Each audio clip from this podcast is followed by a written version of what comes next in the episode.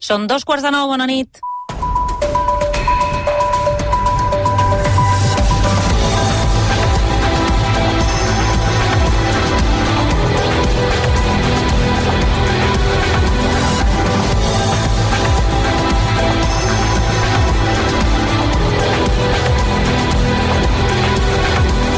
A RAC1 no ho sé, amb Anna Ballonesta.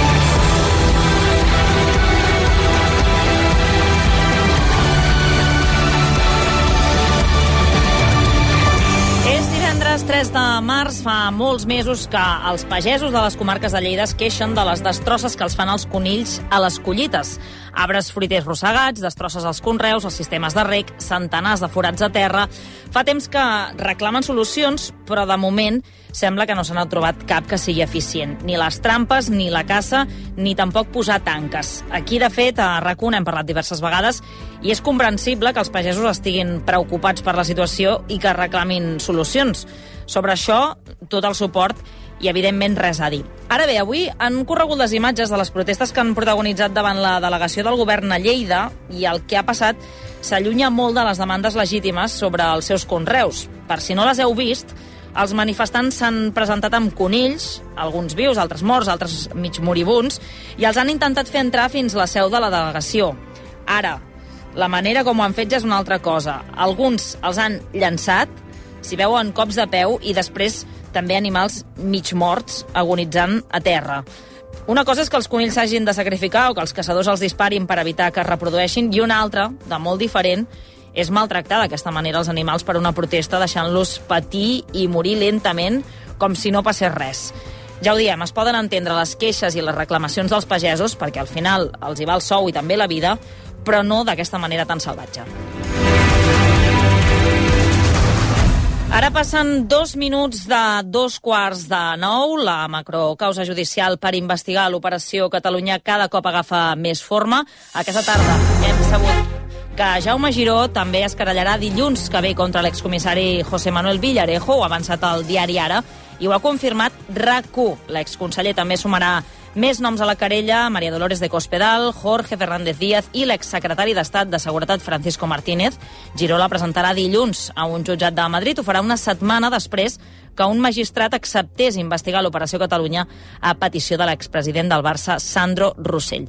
En té més detalls l'Adrià Santa Susagna. Fonts pròximes al conseller Giró asseguren que l'exconseller de Junts aportarà nova documentació sobre els informes policials i els seguiments que Villarejo i el seu equip feien de l'exconseller d'Economia. Recordem que Giró ja va presentar una denúncia contra Villarejo i Alicia Sánchez Camacho a la Fiscalia de Barcelona. Això va ser el passat 22 de juny arran dels àudios en què la líder del PP demanava a Villarejo que l'investigués amb urgència per ser un perillós independentista, deia literalment. En aquest cas, la Fiscalia de Barcelona va traspassar el tema a la Fiscalia de Madrid, que es va treure el tema de sobre, dient que no podia intervenir perquè ja hi havia una altra investigació oberta, en aquest cas pel jutge García Castellón. Però què ha passat amb el cas que està en mans d'aquest jutge? Doncs que el mateix García Castellón ha dit que només s'ocupa d'investigar les actuacions de Villarejo que eren contractades per empreses privades. Per tant, el cas de Giró, al comportar que la petició fos d'una política com Sánchez Camacho, han quedat del tot fora. Per tot plegat, i després que s'hagi acceptat la querella de Sandro Rossell, Jaume Giró emprendrà aquesta nova ofensiva presentant dilluns aquesta nova querella contra Villarejo, Cospedal, Fernández Díaz i Francisco Martínez amb la idea que aquesta vegada sí s'investigui l'operació Catalunya. Gràcies, Adrià. I precisament avui hi havia una cita al Parlament per investigar l'espionatge a l'independentisme. Doncs bé, Pedro Sánchez i els seus ministres han plantat la cambra, el president espanyol i alguns membres del seu govern estaven citats a la comissió, però cap no s'hi ha presentat. Han argumentat per carta que no en tenen cap obligació.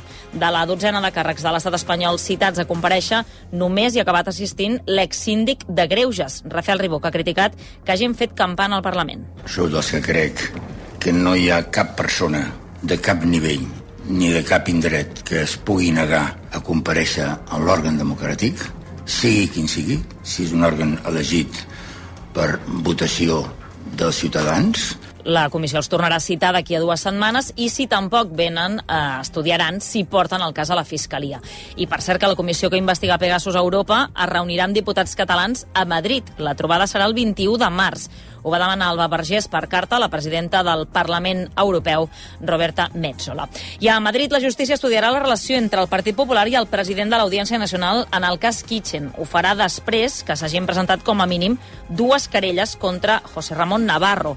Tal com va revelar la SER, el president de l'Audiència Nacional enviava informació confidencial als responsables del Ministeri de l'Interior durant l'etapa de Jorge Fernández Díaz per facilitar-los la defensa legal. Per això ara el xofer de Luis Bárcenas, implicat en aquest cas, i també Unides Podem, han decidit denunciar-lo. Des de Madrid, Arnau Manyer. Sí, són les primeres querelles contra el president de l'Audiència Nacional després que l'esquitxés la polèmica. Dels missatges de WhatsApp publicats s'intueix que José Ramón Navarro hauria enviat informació de la Kitchen sota secret de sumari al número 2 del Ministeri, Francisco Martínez. Per això, la primera querella, segons explica la SER, és d'un implicat directe en el mateix procés judicial, Sergio Ríos, el xofer de Bárcenas. L'altra querella és d'Unides Podem. El seu portaveu, Jaume Sens, creu que és inacceptable. Al Consejo General de Poder Judicial que abra un expediente disciplinario contra este señor, el presidente de Audiencia Nacional. Segunda petición, que dimita. Y el anuncio es que vamos a presentar una denuncia o una querella contra este senyor per un possible delito de revelació de secretos. De fet, Asens insinua que el president de l'Audiència Nacional podria haver comès un delicte d'obstrucció a la justícia. En aquest cas, però, no ho incorporen a la querella. I encara a Madrid, el diputat del PP, Alberto Casero, s'aparta del partit després que el Suprem l'hagi deixat a un pas del banc dels acusats. El de veu recordar és el diputat que es va equivocar votant al Congrés i que va permetre tirar endavant la reforma laboral. Doncs bé, la justícia considera que hi ha indicis de corrupció en la gestió que va fer quan era alcalde a un poble extremeny, Arnau. Segons fons del PP, Casero ha demanat donar-se de baixa del partit abans que l'expulsin i ha renunciat a l'acte de diputat. Tot plegat poques hores després que avui el Suprem tanqués la instrucció del seu cas per malversació i prevaricació. Quan era alcalde de Trujillo a Cáceres va adjudicar cinc contractes de més de 100.000 euros per la via ràpida esquivant els processos necessaris. Casero és un dels diputats més polèmics del PP justament per aquest error de fa un any amb la reforma laboral però també perquè uns mesos després va tornar-se a equivocar en una votació al Congrés. Va donar suport a una comissió per investigar la implicació del PP i de Rajoy justament en l'operació Catalunya. A més, en els últims mesos a Caceros se l'ha apartat de la dinàmica habitual del PP pel cas de corrupció, però també perquè era una de les persones de confiança de Pablo Casado. I per cert que encara coeja la polèmica pel canvi de seu de Ferrovial als Països Baixos. Avui Pedro Sánchez ha augmentat el to de les seves crítiques contra el president de la constructora i el Partit Popular s'ocapà de la marxa d'una de les principals empreses espanyoles, el líder dels populars, Núñez Feijó, ho justifica dient que se senten maltractats pel govern espanyol. També des de Madrid, Roger Barciba. Els membres del govern espanyol, amb Pedro Sánchez al capdavant, van tots a l'una i sumen forces a l'hora de criticar el president de Ferrovial. Avui, des de Finlàndia, Sánchez insisteix a dir que Rafael del Pino traeix la solidaritat amb els espanyols. Creo que la patria no es solamente hacer patrimonio. La patria es ser solidario, arrimar el hombro y ayudar sobre todo cuando tu país lo necesita. Y sobre todo teniendo en cuenta que, en fin, que estamos hablando de la tercera o cuarta fortuna d'Espanya. Feijó diu que Sánchez insulta el president de Ferrovial. Fa temps diu Feijó que el govern de coalició es dedica a faltar el respecte als empresaris i que per això marxen. El presidente del gobierno, más hooligan que nadie, insultando directamente no solamente a la empresa, sino al presidente de la compañía. ¿Usted cree que se puede insultar a un presidente de una compañía por parte del presidente del gobierno? Yolanda Díaz, vicepresidenta de Podem, s'ha vist personalment amb Rafael del Pino per demanar-li explicacions, segons publica La Vanguardia.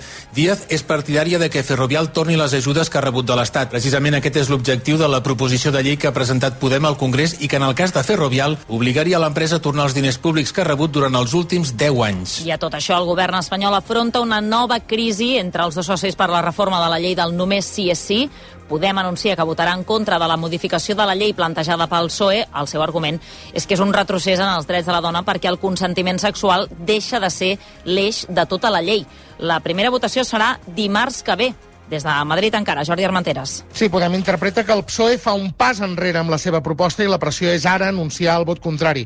Pablo Echenique és qui ho ha dit. Si finalmente eh, pues llega el momento de, de votar una vuelta al Código Penal de la manada, pues evidentemente nosotros votaremos en contra de volver al Código Penal de la manada. Pedro Sánchez de moment evita la picabaralla. Aquí de lo que estamos hablando es de la toma en consideración. Y creo que hay un sentir mayoritario entre los grupos parlamentarios de que, en efecto, tenemos que tomar en consideración la reforma del Código Penal, no para enmendar políticamente, sino para corregir técnicamente una buena ley que desgraciadamente está teniendo efectos indeseados. La setmana vinent el Congrés admetrà a tràmit la proposta de reforma del Codi Penal i en la situació d'ara mateix el text començarà a tirar endavant gràcies als vots favorables del PP i no d'alguns socis del PSOE començant per Podem. La reforma definitiva hauria d'estar enllestida en un termini d'entre dos i tres mesos.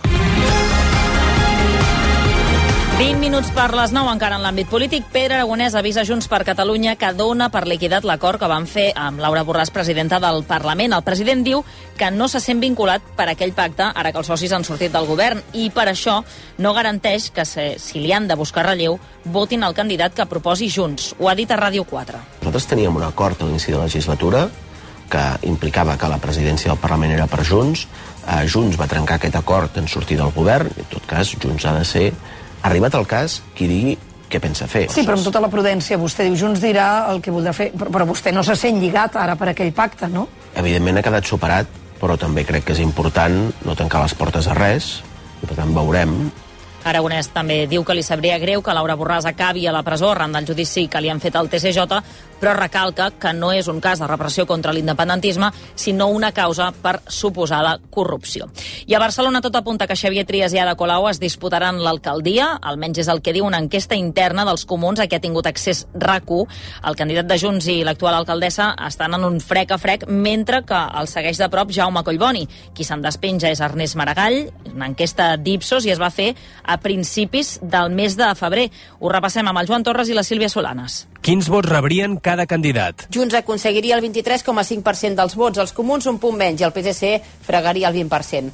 Tenint en compte que hi ha un marge d'error de 3 punts percentuals, Trias i Colau aconseguirien un empat tècnic. Esquerra es quedaria amb l'11% dels vots, el PP una mica més del 7% i per sota hi hauria Vox, que obtindria representació. La CUP es quedaria a les portes del 5% i no entraria, i ja molt lluny Ciutadans i Valents. Com es tradueix en regidors? Trias en trauria 11, un menys el que li donava l'enquesta de l'avantguàrdia del gener. Colau va just al darrere, repetint amb 10 regidors, i qui està just darrere trepitjant els talons és Jaume Collboni, a qui li donen 9 regidors. En canvi, Esquerra, Ernest Maragall, perdia la meitat de la representació actual i es quedaria amb 5.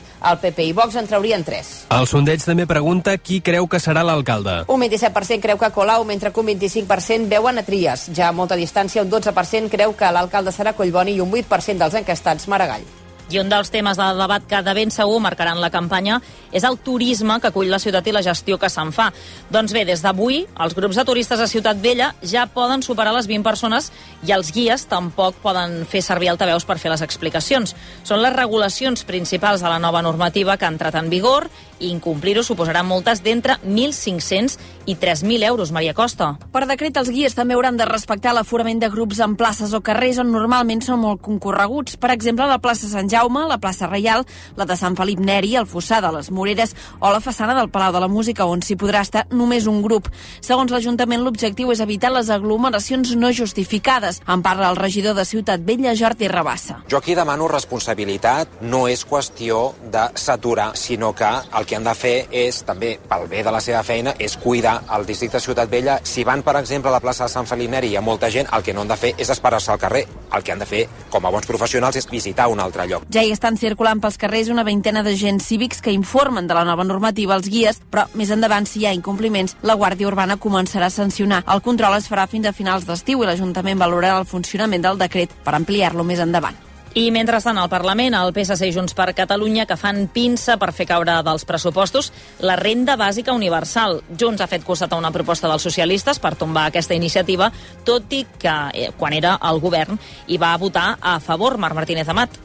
El pla volia fer la prova de pagar 800 euros mensuals als majors d'edat i 300 als menors de manera incondicional en diversos municipis per veure quins resultats donava. El govern ho portava en la llei d'acompanyament, el PSC no hi estava d'acord i havia presentat una esmena per eliminar-ho. I Junts, tot i que quan era el govern hi donava suport, ara ha fet costat a l'esmena juntament amb Vox, Ciutadans i el PP. A la Comissió d'Economia, el diputat de Junts, Joan Canadell, se les ha tingut amb la d'Esquerra, Raquel Sanz. El tripartit autonomista, que dona suport al govern, no ens votarà res a favor. De la renda bàsica, votem en contra de la proposta de govern govern a favor de l'esmena del PSC, és un engany a la ciutadania perquè fins que no tinguem un estat independent no podrem de veritat posar en marxa una renda bàsica universal per manca de recursos. Menys parlar de tripartit i més parlar de la sociovergència real, que és la que es veurà amb algunes votacions. Estem parlant d'un pla pilot que ha de servir perquè quan efectivament siguem un estat independent puguem aplicar aquesta mesura. Els republicans retreuen al PSC que no hagi estat fidel a l'acord de pressupostos perquè consideren que el projecte dels comptes havia de sortir intacte del Parlament. Doncs el pla pilot de la renda bàsica universal formava part dels acords d'investidura d'Esquerra amb la CUP. La cupaire Eulàlia Reguant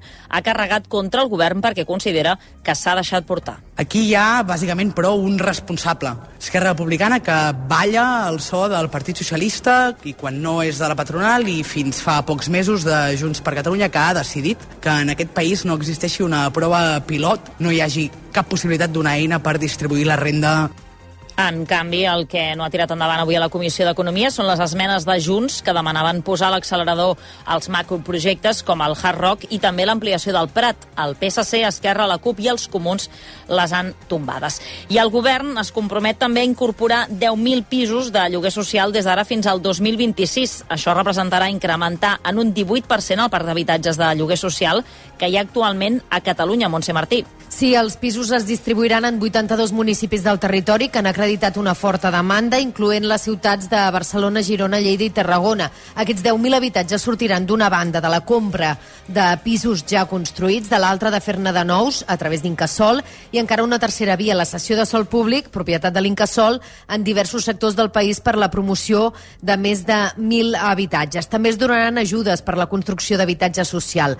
El conseller Juli Fernández diu que els pisos s'aniran incorporant al parc d'habitatge social de forma progressiva. Això són polítiques estructurals i sostingudes en el temps. Cada any hi haurà impuls d'habitatge de lloguer públic per tal d'assolir l'objectiu eh, que ens marquem. El govern assegura que actualment compta amb 55.000 pisos de lloguer social arreu de Catalunya. I el sindicat de llogateres ja ha dit que cal anar més enllà, creu que cal buscar fórmules perquè la qualificació d'habitatge de protecció oficial sigui permanent i no temporal com ara. Ho deia el seu portaveu, Enric Aragonès. S'han anunciat 10.000 habitatges amb lloguer social pel 2026, però el que sabem és que en aquest mateix temps s'hauran desqualificat només a la província de Barcelona més de 20.000 habitatges.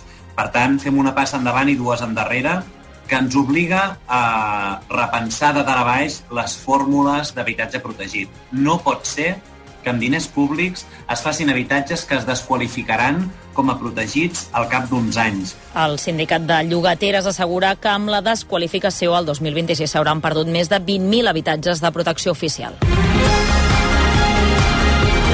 Passen dos minuts de tres quarts de nou i atenció al que preparen al País Basc, que assajaran la jornada laboral de quatre dies. Es farà, això sí, només amb empreses privades, amb els mateixos salaris i sense incrementar les hores laborals. EAE Business School us ofereix aquest espai. Serà una prova pilot que començarà en els propers mesos a Salvador. Crearan un grup d'innovació format per empresaris i alguns sindicats per gestionar aquest assaig.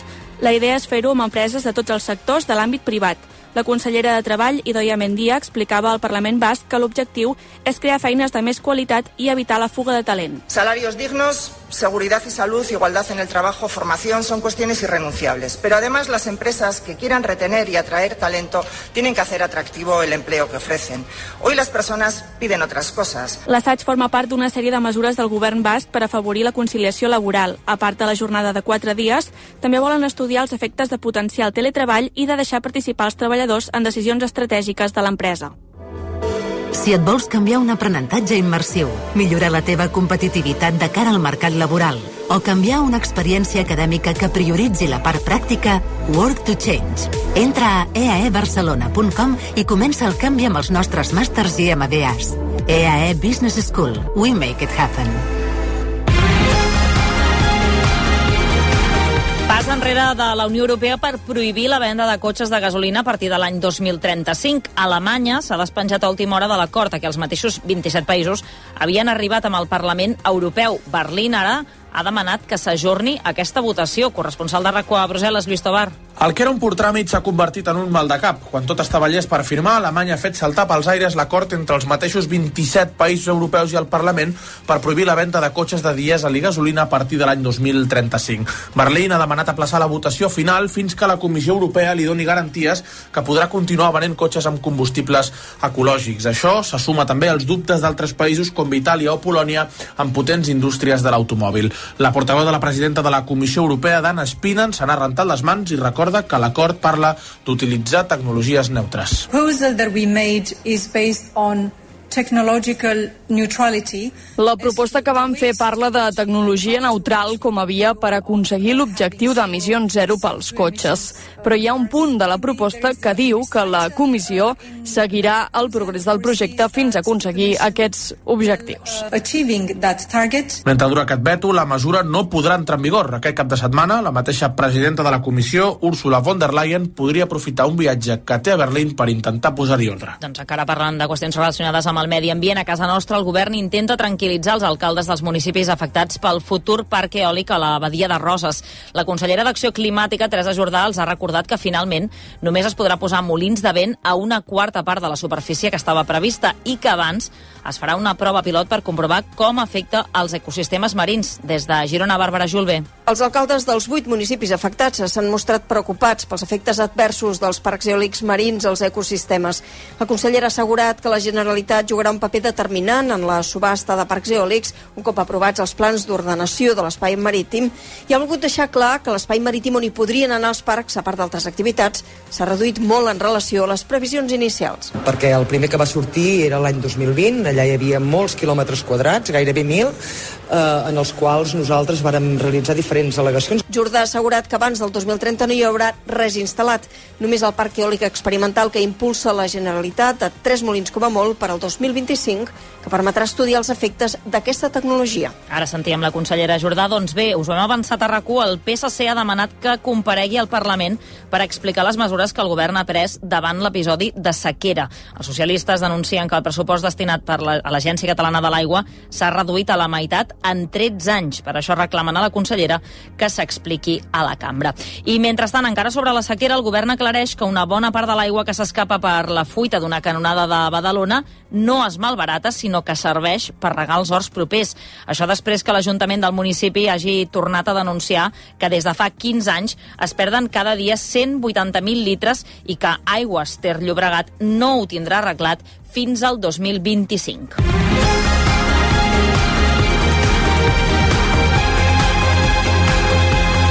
8 minuts per les 9, novetats en el cas de Paula Bonet. El seu assetjador podria acabar a la presó. Una jutgessa el va condemnar a més de 3 anys d'ingrés en un psiquiàtric perquè el considerava culpable, però també reconeixia que tenia un trastorn mental. Doncs bé, ara l'Audiència de Barcelona ha anul·lat aquella sentència i li diu a la magistrada que no ha justificat prou aquest canvi de la presó pel psiquiàtric Benet Íñigo. L'ordre de l'audiència és que torni a redactar la sentència, de manera que la jutgessa té ara dues opcions. O bé argumentar més extensament per què el condemnat ha d'estar en un centre i no a la presó, o si no, pot canviar-ne el resultat i enviar-lo a la garjola. És el que demanaven tant la Fiscalia com l'advocada de Bonet. La sentència els va donar la raó que l'home havia assetjat i amenaçat l'artista i havia trencat l'ordre d'allunyament, però li aplicava un eximent complet de la responsabilitat per trastorn mental. Dit d'una altra manera, que no era responsable dels seus actes per una malaltia. L'home havia presentat un informe mèdic dient que tenia un trastorn erotomaníac que no es. Segons les acusacions, cap de les conductes delictives es podia atribuir a això, però la jutgessa ho va donar per bo. I novetats també sobre el cas de la noia de 16 anys, víctima d'una agressió sexual en mans d'un noi de la mateixa edat a Riu de Cols, al Baix Camp. El jutjat de menors de Tarragona ha deixat en llibertat vigilada el presumpte agressor. El jove té prohibit apropar-se a menys de 100 metres de la víctima, Pep Tormos. La Fiscalia de Menors havia plantejat dos escenaris per l'acusat de la violació, o bé el règim tancat, o bé deixar l'adolescent en llibertat fins al judici, amb mesures cautelars com ha acabat decidint finalment el jutge. I a França la Fiscalia ha inculpat el futbolista del PSG, Ashraf Hakimi, per presumpta violació. El va denunciar una noia de 23, 23 anys que l'acusa d'una agressió sexual fa 10 dies als afores de París. El lateral marroquí, que de moment ha tornat avui als entrenaments amb el PSG, està sota control policial. I Catalunya amplia l'avortament quirúrgic al Pirineu. Els quatre hospitals de la zona, a Viella, la Seu, la Seu d'Urgell, Trem i la Cerdanya, ja el garanteixen. D'aquesta manera, el dret a interrompre l'embaràs s'ha estès a totes les regions sanitàries, tant amb el mètode farmacològic com també amb el quirúrgic. Fins fa poc, les dones de moltes zones de Catalunya s'havien de desplaçar a les grans ciutats. El Pirineu era l'última regió que faltava perquè en l'últim any s'han incorporat al sistema també centres a Tortosa, Manresa, Berga i Lleida. I un jutjat de Barcelona ha deixat en llibertat amb, càrrega, amb càrrecs a Àngela Dobrovolski. Els Mossos la van detenir dimecres després que col·loqués un artefacte explosiu davant la porta del pis d'uns coneguts al barri de Sants. L'exparella de Josep Maria Mainat ha passat dos dies als calabossos i avui ha declarat davant del jutge. Això sí, a Dobrovolski li pot sortir car perquè acumula uns quants antecedents al currículum delictiu. De moment, el magistrat ha acordat que comparegui cada 15 dies i li imposa un ordre d'allunyament sobre la destinatària de la bomba casolana. I en successos, els agents rurals han enxampat un home que robava tòfones en una finca privada de l'Alt Urgell. El detingut ja tenia antecedents per haver-ne robat a Terol l'any 2016. Els agents el van identificar en un dispositiu de control després que s'emportés d'una finca protegida gairebé un quilo i mig de tòfona. De fet, el responsable del terreny ja havia denunciat que en l'últim any havia tingut diversos robatoris. Calculava que se li havien endut fins a 20 quilos de tòfones valorats en 10.000 euros. El detingut ha quedat en llibertat amb càrrecs. 5 minuts per les 9, l'antiga nuclear de Vandellós, tancada des de fa gairebé 40 anys, cada cop és més a prop de tenir un nou ús. El govern espanyol dona suport al projecte de convertir-la en un centre públic pioner per curar el càncer amb la teràpia de protons. Des de Tarragona, Esteve Giral. Sí, part de les instal·lacions de la nuclear, el calaix del reactor, s'aprofitarien per construir el centre on es tractarien els tumors amb protons. El 2028 es començarà a desmantellar, acabat ja el període de latència. Al centre es tractarien cada any més d'un miler de malalts de càncer, molts nens i nenes, en un espai a tocar del mar on es podrien fer els tractaments amb les famílies i els metges. Santiago Castellà, el subdelegat delegat del govern espanyol a Tarragona ha donat avui el seu suport. I mirarem de tenir tota la influència política perquè projectes com aquest que porten tant al territori tinguin, tinguin èxit i, i puguin portar-se a terme. S'estan multiplicant els contactes per aconseguir el finançament, el pressupost supera els 134 milions d'euros i llum verda de Madrid, amb competències exclusives en el procés de desmantellament de l'antiga central de Vandellós 1. I a Lleida, la tercera i l'última tracturada dels agricultors ha acabat amb moments de molta tensió i amb ell també amb aquest llançament de conills per part dels pagesos a les portes dels serveis territorials d'acció climàtica. Adeu, si no us voleu ajudar! Però Els agricultors que exigeixen mesures urgents per posar fi a la plaga de conills des de Lleida, Karen Alfonso. La protesta convocada per la plataforma Pagesos o Conills ha sortit des de dos punts de Lleida i ha col·lapsat els carrers fins a arribar a la subdelegació del govern espanyol on s'ha llegit els parlaments. Segons Mossos d'Esquadra i Guàrdia Urbana s'hi han aplegat uns 423 tractors. En parla Ramon Boleda, membre de la plataforma. Lamentablement, lamentablement ha sigut un èxit. Tant de bo només haguessin vingut aquí dos tractors vol dir que la cosa va bé. Quan els pagesos, que mos costa molt de sortir amb el tractor, s'ajunta aquí tanta gent, vol, vol respostes, vol respostes, perquè el mal hi és. Després de la protesta, algunes entitats animalistes s'han queixat, ja que durant la marxa alguns agricultors han llençat conills vius dins l'edifici d'acció climàtica. El departament ha reconegut el malestar del sector per la plaga de conills, però han volgut recordar que ja porten temps desplegant una sèrie d'accions per combatre-la. 3 minuts i les 9 en Cultura de Goll de Goma estrena dilluns l'espectacle L'alegria que passa. La vida passa pel davant, però igual que passa ja s'escapa. És l'última creació de la companyia, que aquest cap de setmana farà tres funcions prèvies. És una versió contemporània del primer gran èxit teatral de Santiago Rossinyol, que es podrà veure al Teatre Poliorama, Bàrbara Padilla. Són més de dos anys de feina per celebrar els 50 anys de la companyia. L'equip artístic de l'Alegria que passa està format per Marc Rosic, al text i la direcció d'escena, Andreu Gallent, a la direcció musical, i Ariadna Peia, a la coreografia. Segons Rosic, l'obra és una barreja de diferents disciplines. Aquesta barreja d'arts, de, de la música, la dansa, el teatre, és com la mateixa essència del projecte i també inspirant-nos en el que volia Rossinyol quan va fer l'Alegria que passa original, que volia fundar el teatre líric on, on es creés un teatre on barregés totes les arts i tots els gèneres, diguem, i que tots treballessin de forma conjunta. L'espectacle, que mostra dos mons oposats i compta amb nou actors que canten, ballen i interpreten, és l'última proposta de creació de la companyia abans de fer la quarta i darrera reposició de Maricel l'any que ve, quan s'acomiadaran definitivament dels escenaris. I del teatre també, el Teatre Lliure, en aquest cas, que ha programat noves funcions de Tots eren fills meus després que s'exaurissin totes les entrades. El George està venint cap aquí, has d'anar amb molt de compte. Vols parar d'una vegada? Que no m'has sentit el que t'he dit? Que a mi no m'importa.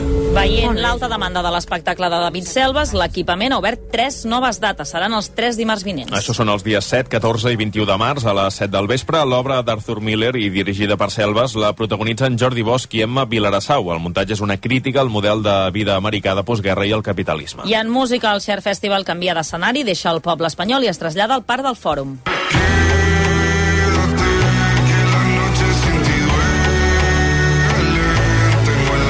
I actuaran, ara sentim, Quevedo, Bizarrap, Morat i De La Fuente, entre d'altres, una cinquena edició centrada aquest cop en la música urbana, que es farà els dies 9 i 10 de juny. Les entrades es posen a la venda dilluns. I així també sona el més nou de la Casa Azul. Aunque un gris y final. Es diu Prometo no olvidar i és el nou single de la banda de Guille Milky Way. I avui també destaquem el nou disc de Detallets. Ja saps que tu mereixes, donant voltes em deixes i em perdo per la disco perquè estàs... Porta per títol Epic Solete i inclou un total d'11 temes.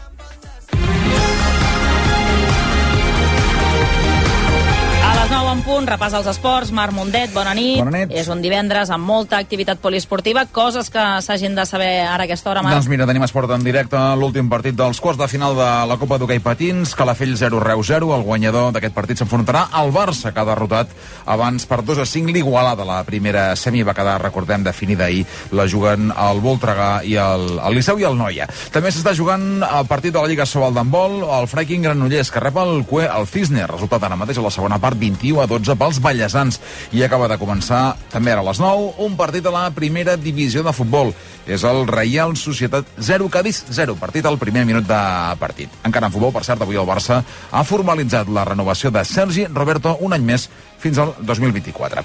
Tenim l'atletisme català d'enhorabona. Sí. La Sant Cugatenca, Jael Bestué, s'ha convertit en la primera velocista catalana en disputar una final dels 60 metres en uns europeus indoor. Ha acabat última, però ha fet la seva millor marca personal, un 7.03. Aquest cap de setmana, de fet, hi tenim dues catalanes més en dues finals al, als europeus que s'estan fent a Istanbul. La banyolina Esther Guerrero, als 1.500, amb opcions de pòdio, i el saltador de Cornellà, Jaime Guerra, diumenge a la llargada. Aquest any ja s'ha enfilat fins als 8.08. A més, explica que Fernando Alonso ha sigut el més ràpid als entrenaments lliures del Gran Premi de Bahrain, la prova inaugural del Mundial d'aquest cap de setmana. L'Astúria ha sigut 170 mil·lèsimes més ràpid que el segon, el vigent campió Max Verstappen, i la imatge del dia l'hem tingut en l'Ajuntament de Sant Boi del Llobregat. S'hi ha penjat una samarreta gegant de Pau Gasol de 70 metres quadrats a quatre dies de la retirada del dorsal 16 amb Los Angeles Lakers. És un event tan històric pel bàsquet català que, segons ha pogut saber rac el seu germà Marc serà la matinada de dimarts a dimecres a la cerimònia. Gràcies, Marc, que vagi bé, bon cap de setmana. Fins ara. I acabem amb el temps, amb l'Abel Caral. Abel, bona nit. Bona nit, estava Serà un- pensant, Què? perdona, que la Què, samarreta què, del Pau Gasol més gran que el meu pis. Dic, saps? Dic, carai. No, no la podries estendre al terra, no? no, no Allò cabria. sencera, no, no. per que s'assequi, Vaja, sí, feinada. em sembla que el, que el meu també. En fi, eh, cap de setmana Sí. tranquil o no? Sí. Tindrem canvis o... La mare tranquil, Estàs bàsicament. avorrit, ja ho veig. Sí, hi tornem, hi tornem, hi tornem. Home, estem a les portes de la primavera, esperem que ens porti les precipitacions i el moviment que, que necessitem. De moment, cap de setmana, bàsicament, assolellat, com avui que ha sigut un dia assolellat, però encara amb núvols abundants cap al vessant nord del Pirineu, cap a la Vall d'Aran, un dia gris després de les nevades d'ahir. També aquí demà hi farà sol, un bon cap de setmana per la pràctica de l'esquí, un bon cap de setmana per calçotades, que encara doncs, estem en plena època, no?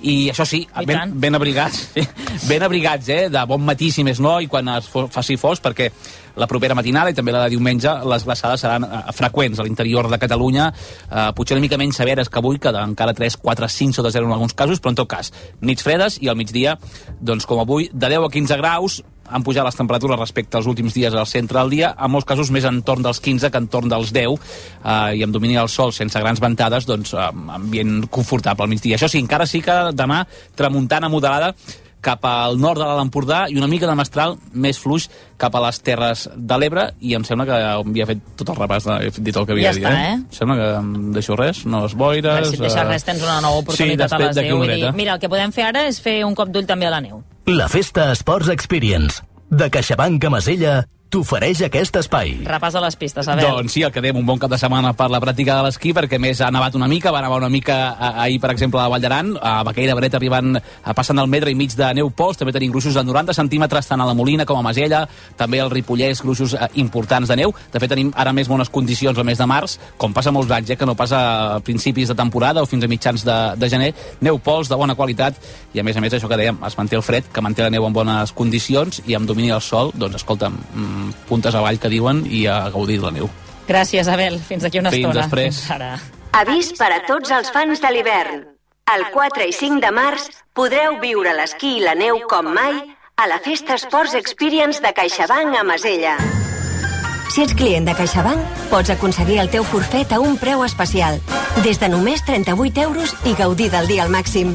Hi haurà música en directe i descomptes en restauració. Així que prepara les botes de neu i vine. Entra a Moments dins de CaixaBank Now i aconsegueix el teu descompte. Unitats limitades. Passen 5 minuts de les 9 de la nit. A RAC1, no sé, amb Anna Ballonesta.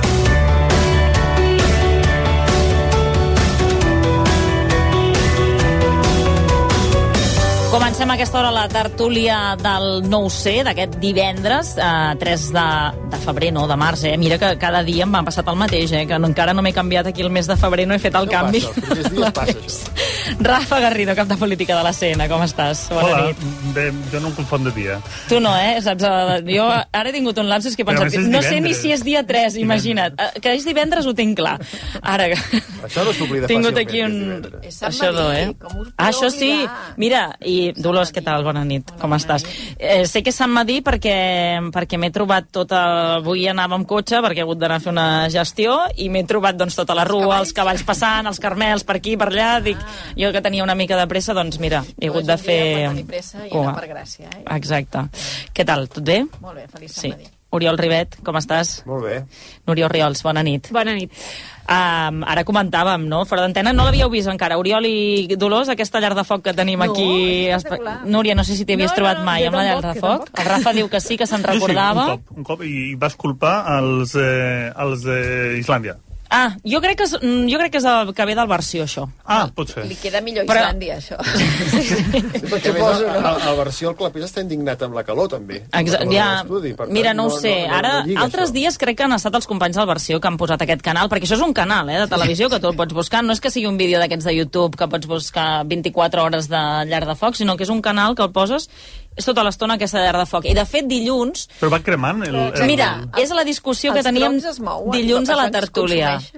Ah, En teoria, els vídeos que es posen normalment són a temps real, és a dir, es van consumint els troncs. I l'altre dia, a l'inici de la tertúlia, vam dir de fixar-nos en el tronc de la dreta, Us que és veu- el, és el més petitó, a veure si al final de la tertúlia s'havia cremat més. Mm, els que hi havia dilluns van dir que no, però jo crec que, clar, amb 50 minuts no dona temps És a poc, veure poc. molt aquest canvi. Així que, és poc.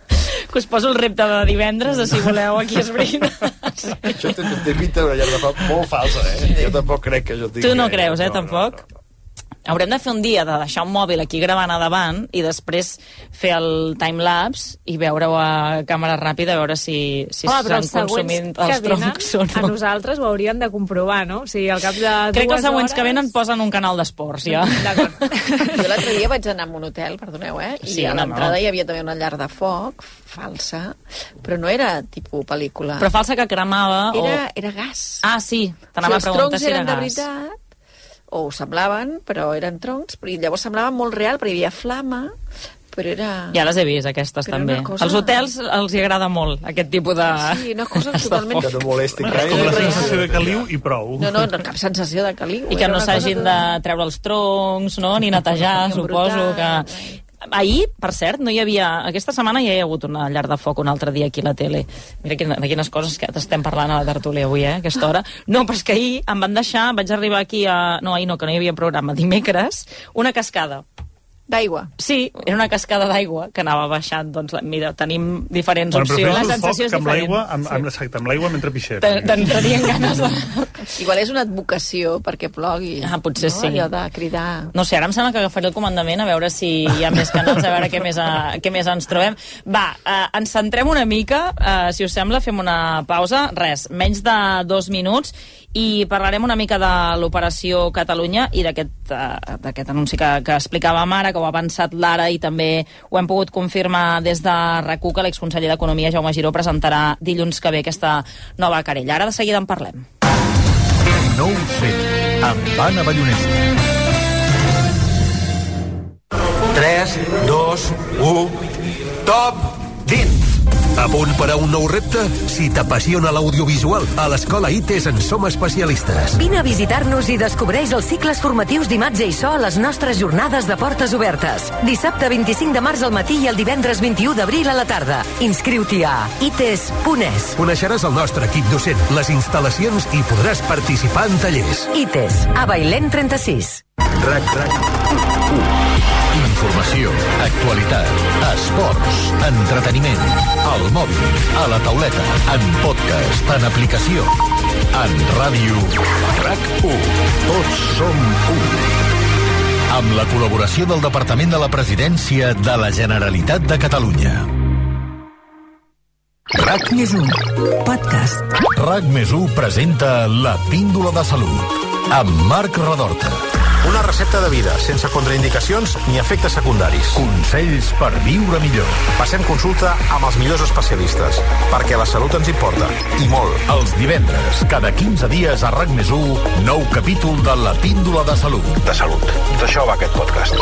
RAC Més un, la plataforma digital de continguts extra de RAC1. amb la col·laboració d'Àptima, Centre Clínic Mutu a Terrassa.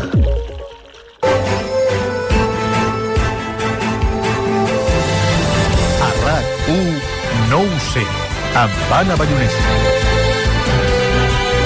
Ho dèiem ara fa uns minuts, després que Sandro Rossell obrís mm, d'alguna manera la veda aquesta setmana per denunciar l'operació Catalunya, ara és l'exconseller d'Economia, Jaume Giró, qui presentarà dilluns que ve aquesta nova querella. Mm, recordem que tot ve d'aquesta conversa que van tenir el 6 de novembre del 2012, Alicia Sánchez Camacho, que va oferir doncs, una mena de llista negra a l'excomissari Villarejo de persones que estaven vinculades a l'independentisme i aquí buscar doncs, alguns draps bruts. Entre ells, en aquesta llista, doncs, hi havia Artur Mas, hi havia Jaume Giró, l'empresari Carles Sumarroca, l'expolític Enric Lacalle, també hi havia el periodista José Antic, Eh, hem de dir que Giró ja va presentar una denúncia davant de la Fiscalia de Barcelona el 22 de juny de l'any passat. A l'octubre la Fiscalia de Barcelona la va traspassar a la Fiscalia de Madrid i eh, aquesta recentment va comunicar també als advocats de Jaume Giró que no podia intervenir-hi perquè ja hi havia una investigació oberta pel jutge Manuel García Castellón. Doncs bé, com dèiem, podem confirmar, ho ha avançat l'ara, ho hem pogut també confirmar des de rac que dilluns Jaume Giró presentarà una querella i que no serà només contra Villarejo, sinó que també anirà contra Maria Dolores de Cospedal, contra Jorge Fernández Díaz i contra Francisco Martínez, que recordem que és l'ex número 2 d'Interior. També Giró ha dit que portarà nova documentació sobre aquests informes policials del seguiment que Villarejo i el seu equip li van fer, li van fer a ell. Núria, t'ho pregunto a tu, perquè ets una de les periodistes que heu avançat aquesta, aquesta informació al diari Ara. Uh, no sé si creus que sembla que aquesta setmana s'hagin anat com una mica col·locant totes les peces perquè ara sí que pugui passar alguna cosa i que aquesta investigació mm, doni algun fruit i no quedin doncs, ara com aquestes coses més o menys mm, separades que han anat passant durant tot aquests temps i que no han arribat en lloc. Sí, jo crec que aquesta setmana la, la novetat és que per primer cop s'admet a tràmit i sobretot el posicionament de la Fiscalia a favor, en el cas de, de Sandro Rossell, de ser favorable que s'investigui i s'esclareixin els fets, que fins ara no semblava que hi hagués interès per part de cap eh, òrgan de l'Estat esclarir què havia passat en la- en l'operació Catalunya. En el moment en què s'admet a tràmit una querella, tots el, totes les persones pendents de, de l'operació Catalunya i que n'han sigut víctimes, doncs també valoren eh, aquesta possibilitat. Jaume Giró ho farà dilluns, també ho està valorant l'expresident Artur Mas Mhm, i, i també Oriol Pujol en el cas del que afecta la família Pujol per la, per la, seva, per la seva banda. Cal veure si la Fiscalia té el mateix posicionament en tots, el, en tots aquests procediments eh, pendents. Sí que fins ara es deixa de banda Alicia Sánchez Camacho, que era una de les persones Sí. que està en aquestes converses perquè és aforada i fins ara el Tribunal Suprem doncs, no ha volgut entrar en, en, aquesta, en aquesta qüestió. Veurem si més endavant doncs, sí que hi ha possibilitat de que, que hi hagi alguna querella en contra en contra seva. I a partir de- a partir d'aquí s'ha de veure si això té algun resultat. Jo també em pregunto per què ara sí que la Fiscalia eh, doncs, saber a tenir un posicionament més favorable a esclarir aquests fets i veurem si un jutjat d'instrucció de Madrid doncs, pot esclarir alguna cosa o realment això es queda només en, en, en el llim dels tribunals i no hi ha possibilitat d'escatir responsabilitats. També el PSOE li podria interessar en aquest sentit, com que és una cosa que afecta a l'època del govern del PP, doncs tenir informació ara sobre això i que hi hagi mm, responsables eh, a qui assenyalar amb responsabilitats jurídiques de l'Operació Catalunya. Veurem. És curiós també, però, com ha passat una mica desapercebuda aquesta informació aquesta setmana, sobretot els, els mitjans de comunicació de, de Madrid, no? doncs que tot el cas, mm, ara aquests últims dies de Casero, el cas Mediador, han doncs, passat per damunt d'aquesta informació que afecta el passat govern de l'estat espanyol, no? Clar, el, els mitjans de Madrid no, no hi estan fent èmfasi amb tot això perquè crec que es considera una cosa de Catalunya i que només afecta doncs, a, a Catalunya quan és una qüestió que, que té a veure directament amb els fonaments democràtics d'un estat, quan eh, hi ha la possibilitat que un, una part de, de la policia, eh, dirigits per un exministre de l'Interior, suposadament per la informació que hi ha, doncs ha actuat políticament en contra d'una opció, mm, en aquest cas l'independentisme, i en altres casos també Podem, tot l'aspecte polític de, de Podem per interès polític. Llavors, això afecta els drets democràtics de, de tots els ciutadans espanyols i hauria de ser una qüestió d'interès eh, general poder esclarir aquests fets, però crec que doncs a Madrid va per una altra banda també d'entrada perquè hi ha les eleccions autonòmiques i les municipals a, a la cantonada no? i hi ha una guerra mediàtica com hi ha la polarització política al Congrés entre el PP i el PSOE. Rafa, com, com ho veus? Eh, jo, més enllà de, de la responsabilitat jurídica, que, que bueno, com deia la Núria, jo no, no, no sóc capaç d'entendre per què ara sí i abans no, o, o per què, perquè Giró, per exemple, ja ho havia portat a Fiscalia i, Mm. i va quedar en res. No, no, no sóc capaç d'entendre si hi ha una instrucció des de dalt, des de Fiscalia General de l'Estat o no, eh, però més enllà de la responsabilitat jurídica que un jutge haurà de, de valorar, diguéssim, eh, no entenc per què no s'ha- per què no s'han reclamat responsabilitats polítiques. Vull dir, mm, deixant de banda si un jutge pot eh, mm, eh, condemnar o no algú per tot això, perquè és evident que hi ha uns àudios eh, que, bueno, que diuen el que diuen, hi ha unes proves que diuen, les, que diuen el que diuen, però jurídicament no sé fins a quin punt això pot tenir recorregut. Però la responsabilitat política existeix. Hi ha un exministre i, i una expresidenta del PP de Catalunya i, i, bueno, i exsenadora i exdiputada i, i ex moltes coses que apareixen allà fent una sèrie de coses que sigui o no condemnable eh, jurídicament, eh, políticament té una responsabilitat. I aquí ni Fernández Díaz ni Sánchez Camacho han sortit a donar una mínima explicació. Ho trobo faltar i ho, i ho trobo de, bueno, de, de, de sistema poc democràtic, diguéssim. Eh? Eh, no m'imagino uns àudios d'aquestes característiques sortint a, a Alemanya o a, o a Finlàndia, m'és igual, eh?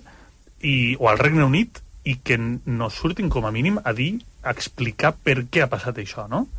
Eh, és curiós, no, no hi ha eh, aquesta reclamació de, de responsabilitat política més enllà de la, de, la, de la responsabilitat jurídica. I em sorprèn també que després de totes les proves o, o indicis que van apareguent eh, de totes aquestes operacions que hi havia engegades, ningú en cap govern hagi fet neteja en aquesta policia.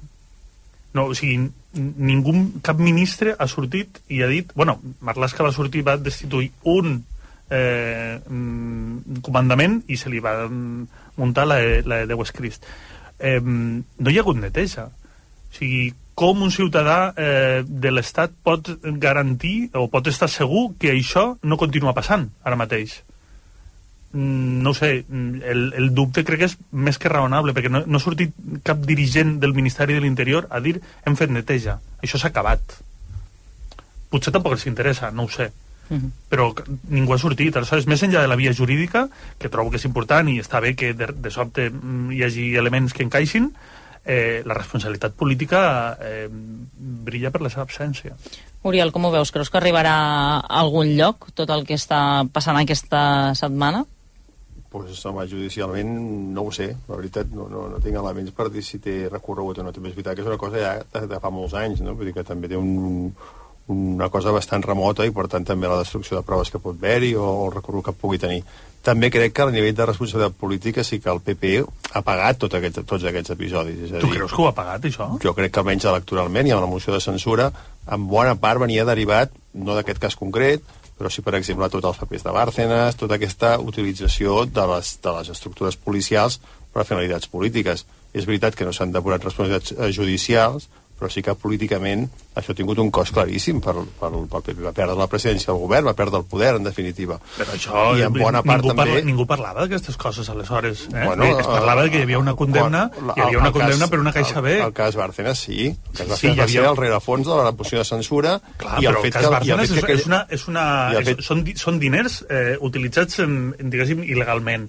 i comissions eh, eh, a, a polítics. No, no és aquesta estructura parapolicial per vigilar eh, adversaris polítics. Però, Rafa, no té jo el que dic és que una determinada manera d'utilitzar la política i d'utilitzar les estructures de l'Estat per fer una sèrie de coses sí que ha, ha sortit a la llum, s'ha revelat i ha tingut un cost polític pel PP, això és, indi és indiscutible. Que no, s'hagi re- que no hagi tingut el recorregut judicial, veurem ara si el té, però que políticament sí que hi ha hagut una censura pública i que hi ha hagut unes conseqüències polítiques i jo crec que sí que hi han sigut. Dolors, per tancar aquest tema ja.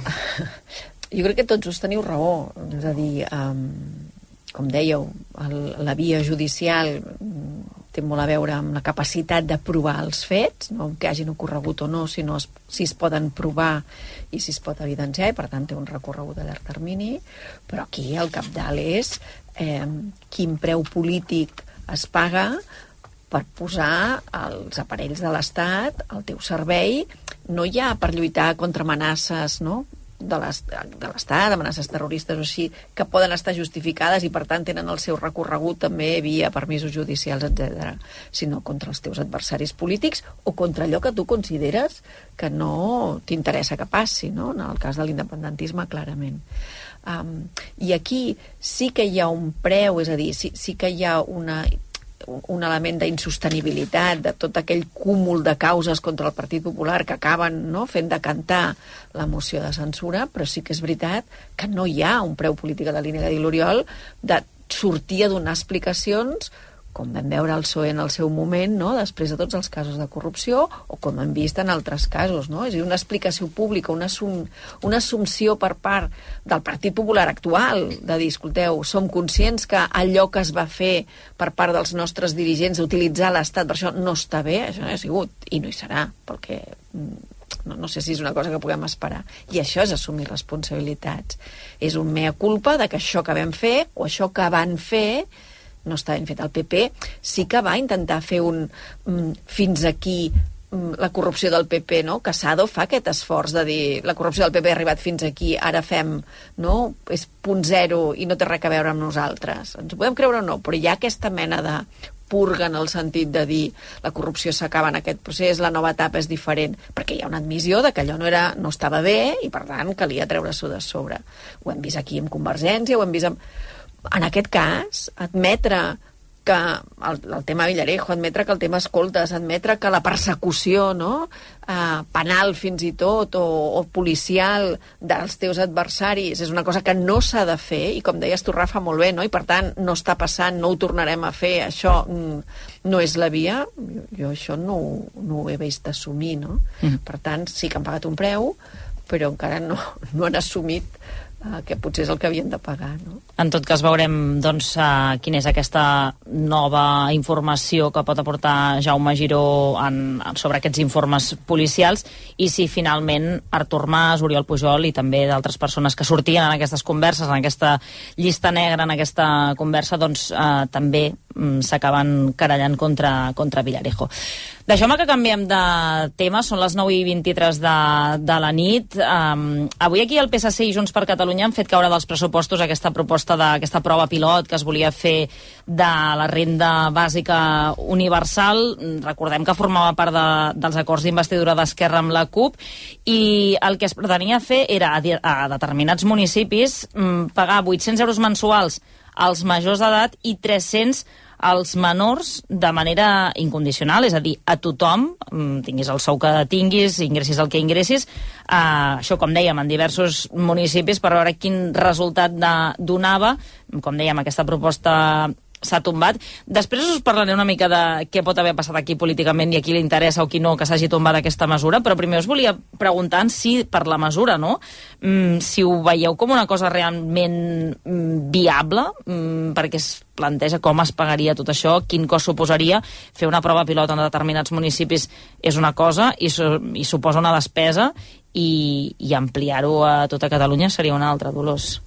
Algunes proves s'han fet a nivell local, és a dir, potser no d'aquest abast i no amb aquests imports, però de eh, garantir uns ingressos incondicionals, és a dir, no a canvi d'allò que a altres moments han existit, eh? doncs de fer una formació ocupacional o de, de fer un treball X, sinó de forma incondicional, simplement eh, com a dret de, de, de subsistència, per dir-ho així, um, i per tant per garantir que les persones que estan en una situació de molta vulnerabilitat doncs, tinguin un coixí no? I a partir del qual poder recuperar la seva, no? El, la seva autonomia o la seva vida, això hi ha hagut proves a nivell d'alguns municipis i, i fins a on jo sé els resultats són positius, és a dir, el nivell de seguiment d'aquests programes, el nivell de mm, millora de la situació de vulnerabilitat que té la gent eh, és positiu. Evidentment, pensar en universalitzar el dret a una renda garantida vol dir que canviem la, fins i tot el, no, la, la- nostra aproximació a l'estat del benestar. No? Uh -huh.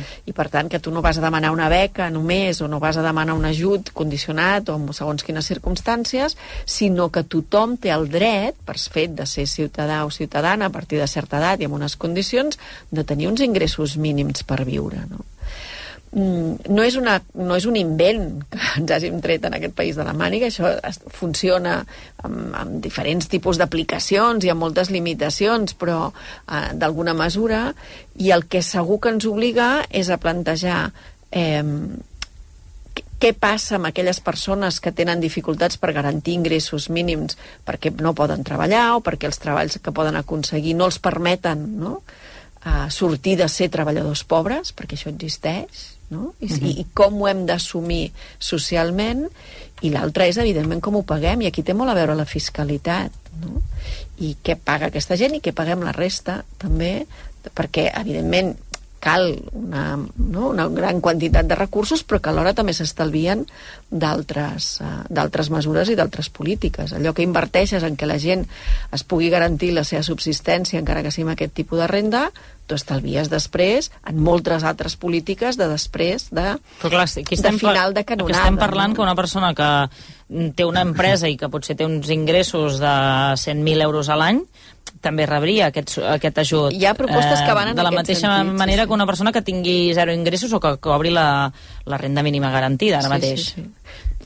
Clar, eh, per això dic que, que ens, ens obliga a revisar la fiscalitat, perquè evidentment a l'hora d'arribar a l'impost de la renda, aquesta persona que té aquesta empresa o que té aquests guanys anuals i que a més a més pot tenir aquests ingressos, després això ho ha de, no? Això repercuteix en, el, en la seva fiscalitat, en la seva renda, mentre que aquella persona que ha percebut aquests ingressos, després això no ho ha de tornar, no? Per tant, hi ha tota una arquitectura fiscal molt més que, que, molt complexa que ha d'anar a acompanyar aquest tipus de, de mesures però insisteixo, la, la concepció que crec eh, que hi ha al darrere d'aquest tipus de rendes, més de caràcter universal, és precisament més de prevenció, és a dir, de polítiques de, de, de prevenir situacions de vulnerabilitat, d'emergència o de pobresa, i no pas haver d'invertir en polítiques, del que es diu, eh, de final de canonada, és a dir, que aquesta persona que ja ha caigut en una situació de tanta vulnerabilitat, llavors hem de buscar um, doncs, tota la xarxa d'habitatges d'acollida, o hem de buscar beques d'algun tipus, o hem de buscar el, els perjudicis, la, una, la inversió en salut que suposa no, el deteriorament físic d'algunes persones en les situacions que arriben. És a dir, és uh, invertir en una banda per, a, per estalviar el que ara estem uh, invertint en una altra i sobretot canviar una concepció global també de la fiscalitat, del que aportem i del que rebem. I, i per això calen proves pilot molt petitones o, o molt, molt mirades perquè és un canvi molt gros no? i s'ha de provar molt bé. L'Oriol feia una mica que sí que no amb el cap. No, no, és que no conec cap país on això estigui vigent a dia d'avui, però cap país avançat. Eh? Amb però, bueno, limitacions, sí. Va, sí. Renda universal, a, cap, a un país a, que jo conec abans, eh, implantat No, universal no, universalment, no, veritat, això no, amb no limitacions, existeix. En teoria, Jo crec que hi, ha algun, hi ha Alaska eh, que ha fet alguna renda universal i, i també a, a la comunitat Cherokee de Carolina del Nord. I llavors hi ha proves a Finlàndia, Namíbia, Iran i Inlàndia i, i, i Finlàndia per les dades que, que he buscat, però és Mm. evident que els estats no... No o són universals, aquest tipus no de rendes. són, no, el que prioritzen és les rendes enfocades a, a les persones en Col·lectius. risc de, de pobresa. Perdona que t'he No, no, no, no. Simplement anava, anava per aquí jo també. És a dir, jo crec que hi ha, que hi ha una sèrie d'instruments com l'ingrés mínim vital o la renda garantida de ciutadania que jo no sé si estem aprofitant prou o si arriba tothom a qui ha d'arribar o si està prou implantat. Tampoc no sé si un govern en minoria bastant deficient en matèries bàsiques de govern, penso en l'educació, penso en la sanitat, mm, està en condicions de posar-se en segons quins fregaus, sincerament. És a dir, mm, jo crec que el que hauria de, el que ha d'intentar el, el govern de Catalunya és, en primer lloc, governar i controlar les coses fonamentals i bàsiques que, a més a més, es, a, a beneficien especialment les oportunitats de la gent més vulnerable. I després utilitzar aquests instruments que ja existeixen que he dit de l'ingrés mínim vital, de la renda garantida de ciutadania, que pel que tinc entès no acaben d'arribar a tota la població a la qual podria arribar moltes vegades per desconeixement. Llavors jo crec que hi ha dues coses aquí. Una cosa, la qüestió filosòfica, no? la qüestió filosòfica de si estaria bé que d'una manera generalitzada a Europa o on sigui es posi en marxa una renda garantida que tu per, pel simple fet de ser ciutadà treballis o deixis de treballar o que, o que et passi tinguis aquests ingressos bàsics garantits això és una cosa que, com diu la Dolors, bueno, o sigui, representa un canvi de tal magnitud en totes les estructures financeres, fiscals, de redistribució de renda, bueno, això ho fas d'una manera ben organitzada, a veure si Ferrovial se'n va a Holanda per pagar 4 milions d'euros menys, tu imagina que un país una, un- d'Europa, qualsevol país intenta fer una cosa així i, i incrementar la, fi, la fiscalitat per, uh, per, per finançar això. És que als dos dies té sortida massiva d'empreses. És que això és una cosa que ho fas coordinadament a tota, a tota Europa o no podries fer-ho, per exemple no?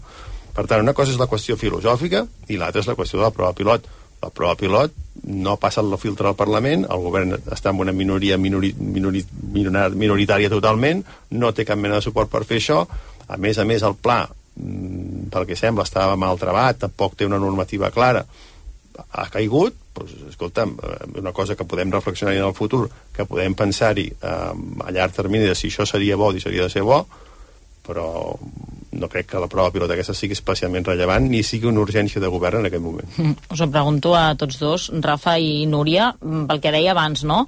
Mm, Això formava part d'un acord de la investidura amb la CUP. Mm, No sé com veieu fins a quin punt Esquerra potser ja li ha anat una mica bé que això es tombi mm, perquè era potser complicat de poder-ho aplicar o creieu que sí que hi havia la voluntat d'Esquerra de poder fer aquesta prova pilot i que això pogués anar més enllà? Bueno, ells, mm, el govern assegurava que sí, que, que, ho, que ho feia, o que tenia la intenció de fer-ho, tant que tenia la intenció de fer-ho també quan Junts estava dins. Vull dir que la derivada política de no té suport parlamentari, perquè és evident que no el té per fer-la, eh, fins fa quatre dies no, no era així, diguéssim, eh? fins fa quatre dies això podia tirar endavant. Ara no tira endavant o perquè Junts per Catalunya abans estava mm, passant-se un gripau, diguéssim, que no li agradava i, i, i tot i així eh, bueno, ho acceptava perquè era el, el pacte que hi havia entre Esquerra Republicana i, i la CUP o perquè ara ja li va bé entrar en, en contra d'alguna mesura per deixar en evidència que el que comentaves, no? el que comentava l'Oriol, que el, que el govern està en molta minoria i que, i que encara pot fer-li patir. No? Eh, bé, això s'hauria de preguntar Junts per Catalunya quina, quina és la intenció, o si, si, si abans estava incòmode mm. o si és ara que, que hi ha això. Ara, eh, si tenien la intenció de fer-ho o no, eh, bueno, estava per escrit i, i, i era una prova pilot. Tampoc estem parlant d'im- d'implementar una mesura a gran escala, eh? Vull dir, que si, si anem Però al entenc que detall... si es fa una prova pilot és perquè després es vol fer aquesta prova per si funciona bé poder-la o per si aplicar. no funciona no aplicar-la. Vull dir que moltes vegades també quan fem un, un programa pilot, un estudi de viabilitat, una comissió d'estudi, totes aquestes coses, normalment en general es fan més per, per comprovar que no es poden fer, diguéssim, que per comprovar que es poden fer. I Si com es poden diu, millorar, eh? també, no? Eh? I, I com es poden millorar, perquè realment l'aplicació d'un tip d'aquest tipus d'instruments és supercomplex, per tant has d'afinar-ho molt, no? has de fer moltes bueno, i tampoc proves sé si la. Generalitat té la capacitat per dir el que, el que deia Dolors, eh? si té la capacitat per, per crear-li tota l'estructura paral·lela, diguéssim, que hauria de fer de la mesura una mesura eficient Mhm. i eficaç, no? I tampoc no sé fins a quin punt té, té aquesta, aquesta capacitat. Per tant, bueno, moltes vegades aquestes proves es, fa, es fan per comprovar que no es poden fer a gran escala, eh? Vull dir que també, eh, bueno, en qualsevol cas era una prova pilot, tampoc era un, un, un pla... Però una, però una prova de 40 milions d'euros, eh, per ser pilot. Sí. No, clar, no és una comissió parlamentària que anem allà a passar l'estona, que d'això bueno, de la Dolors ja en coneix d'aquestes. No, no, això, això, que és una, més de pro- això 40 és una prova de milions, eh? 40 Les milions meves eren d'euros, molt... eh? Treballadores. Les teves sí, les teves sí. És que jo vaig anar són com a les mínim, altres les no que no. sé, jo puc parlar per les que anava jo. Núria Oriols. Uh, no, que, que, que la prova pilot a gran escala a Catalunya no es pot aplicar amb les competències que té la Generalitat perquè requeriria un canvi de l'estructura de l'RPF en què la Generalitat només controla la meitat dels trams autonòmics. Per tant, això és una reforma que com a mínim requeriria que l'Estat es plantegés reformar tot el, els trams de l'IRPF per poder-la eh, finançar. I llavors, el, el que deien eh, els experts és um, és un canvi filosòfic, com deies tu, Dolors, no? de, de justícia universal, de només per ser ciutadà doncs tens uh, una renda. I llavors els, que, els detractors d'aquesta mesura a banda de la, de la fuga de, de capital per la qüestió impositiva, també posen sobre la taula un debat incòmode sobre on es posa el llindar, no? de qui té dret a rebre aquesta, aquesta renda, que és universal, però amb quin temps de residència en el... És a dir, a qui considera ciutadà. Exacte. I aquest és Que un aquest debat és- que és incòmode, que Totalment. es posa sobre la taula quan es planteja una renda Mhm. universal, perquè això no és una qüestió que tampoc s'hagi definit en, aquesta, en aquest debat que hi ha hagut sobre la, sobre la prova la prova pilot. I després sobre la qüestió més, més política, eh, quan el PSC i Esquerra negocien els pressupostos, el PSC ja demana que això no hi sigui i, i de fet en els pressupostos com a partida pressupostària ja no es contempla. Només es contempla una frase genèrica conforme això es tirarà endavant. Per tant, per molt que hi hagi una, una esmena. a la llei d'acompanyament, si no hi ha una partida pressupostària que compromet tants milions tampoc sé si al final això s'acabaria Però crec, si no m'equivoco, és que ha recusat el PSC de sí. deslleialtat avui per haver eh, tombat aquesta proposta quan sí que se n'havia parlat en l'acord que es va fer amb el PSC. Sí, perquè hi és una referència de forma genèrica al, al, als pressupostos, però això va ser una de les coses, la partida aquesta de 40 milions, pressupostàriament, pel que tinc entès, no hi era de forma explícita, sinó que hi havia com una partida per impulsar doncs, aquest eh, pla pilot. Llavors, el, la possibilitat de fer-ho efectiu, la Generalitat no té les eines per ara mateix per, per fer-ho perquè necessitaria un canvi d'estructura de RPF que no està al seu abast, bàsicament. Deixeu-me que afegeixi a la tertúlia parlant d'aquest tema la Montse Guillén, que és catedràtica d'Economia de la UB, experta també en l'estudi de l'economia del risc i estat del benestar. Senyora Guillén, bona nit.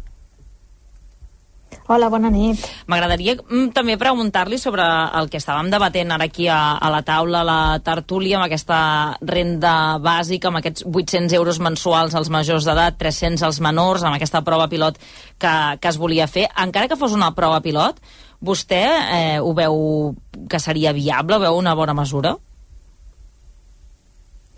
A veure, eh, una cosa és la prova pilot, que es podia portar a terme, i una altra cosa és extendre ja la renda bàsica universal doncs, de forma universal per tots els ciutadans de Catalunya.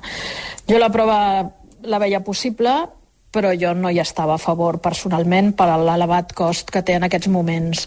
O sigui, abans heu parlat de 49 milions, jo fent la multiplicació de 5.000 persones, 24 mesos, 800 euros, ja m'anava fàcilment als 100 milions. És a dir, fer aquesta prova costava el mateix que una desalinitzadora o que donar instruments o formar més metges sanitaris, donar més mitjans a l'educació. En aquests moments és un tema molt controvertit. La veritat és que jo crec que hauríem de, de ser conscients de que si bé és un, és un, bueno, és un nou mètode de fer front a, la, a, la, a les desigualtats, o sigui, crear la renta bàsica universal és una manera de millorar les desigualtats i donar més possibilitats a aquells que tenen més dificultat d'accés al món laboral. Però, clar, el cost que té per Catalunya en aquests moments, que no anem sobrats, per dir-ho clar, doncs, eh, doncs és molt gran, no? Llavors, si em preguntes si era viable, jo tenia també la qüestió que mencionava la Núria, no? La, la renda universal tributarà o no tributarà? Perquè, és clar, aquests ciutadans que els hi donaran 800 euros són nets o bruts. I quins efectes tindrà doncs és el que es pretenia veure. Però, clar, era la prova més gran que s'hauria fet mai a tota Europa, no?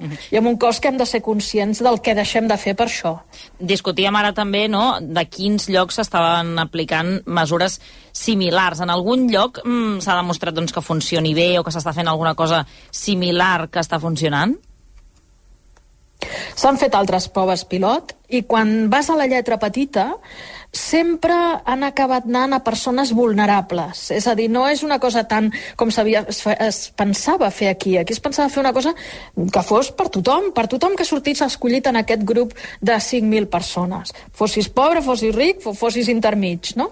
En canvi, en, els, en les proves pilot, per exemple, se n'han fet a Kènia, amb una regió molt concreta, amb un tipus de població amb dificultats de fer un salt, no?, d'accés a l'educació, i allà s'ha vist que, efectivament, donar aquesta empenta bàsica ha anat molt bé. Altres llocs, clar, es nota que, que funciona, però clar, igual que quan, quan es s'implanta un, un, un sistema d'ajuts, no?, de mínim vital o, o de renda mínima d'inserció, que, que també tenen certs problemes. Ara bé, jo, jo, deixa'm que expliqui una cosa perquè jo crec Sí. que, que és important.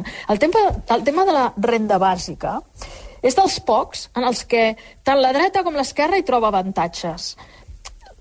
L'esquerra, ja, jo ja ho veig clar, eh? la, la, és, és un molt fàcil d'implementar, és una manera de disminuir les desigualtats, doncs fa, empodera la gent des del començament perquè ja sap que té una base d'on partir, però a mi la- l'argument de la dreta és el que realment sempre m'ha semblat al·lucinant.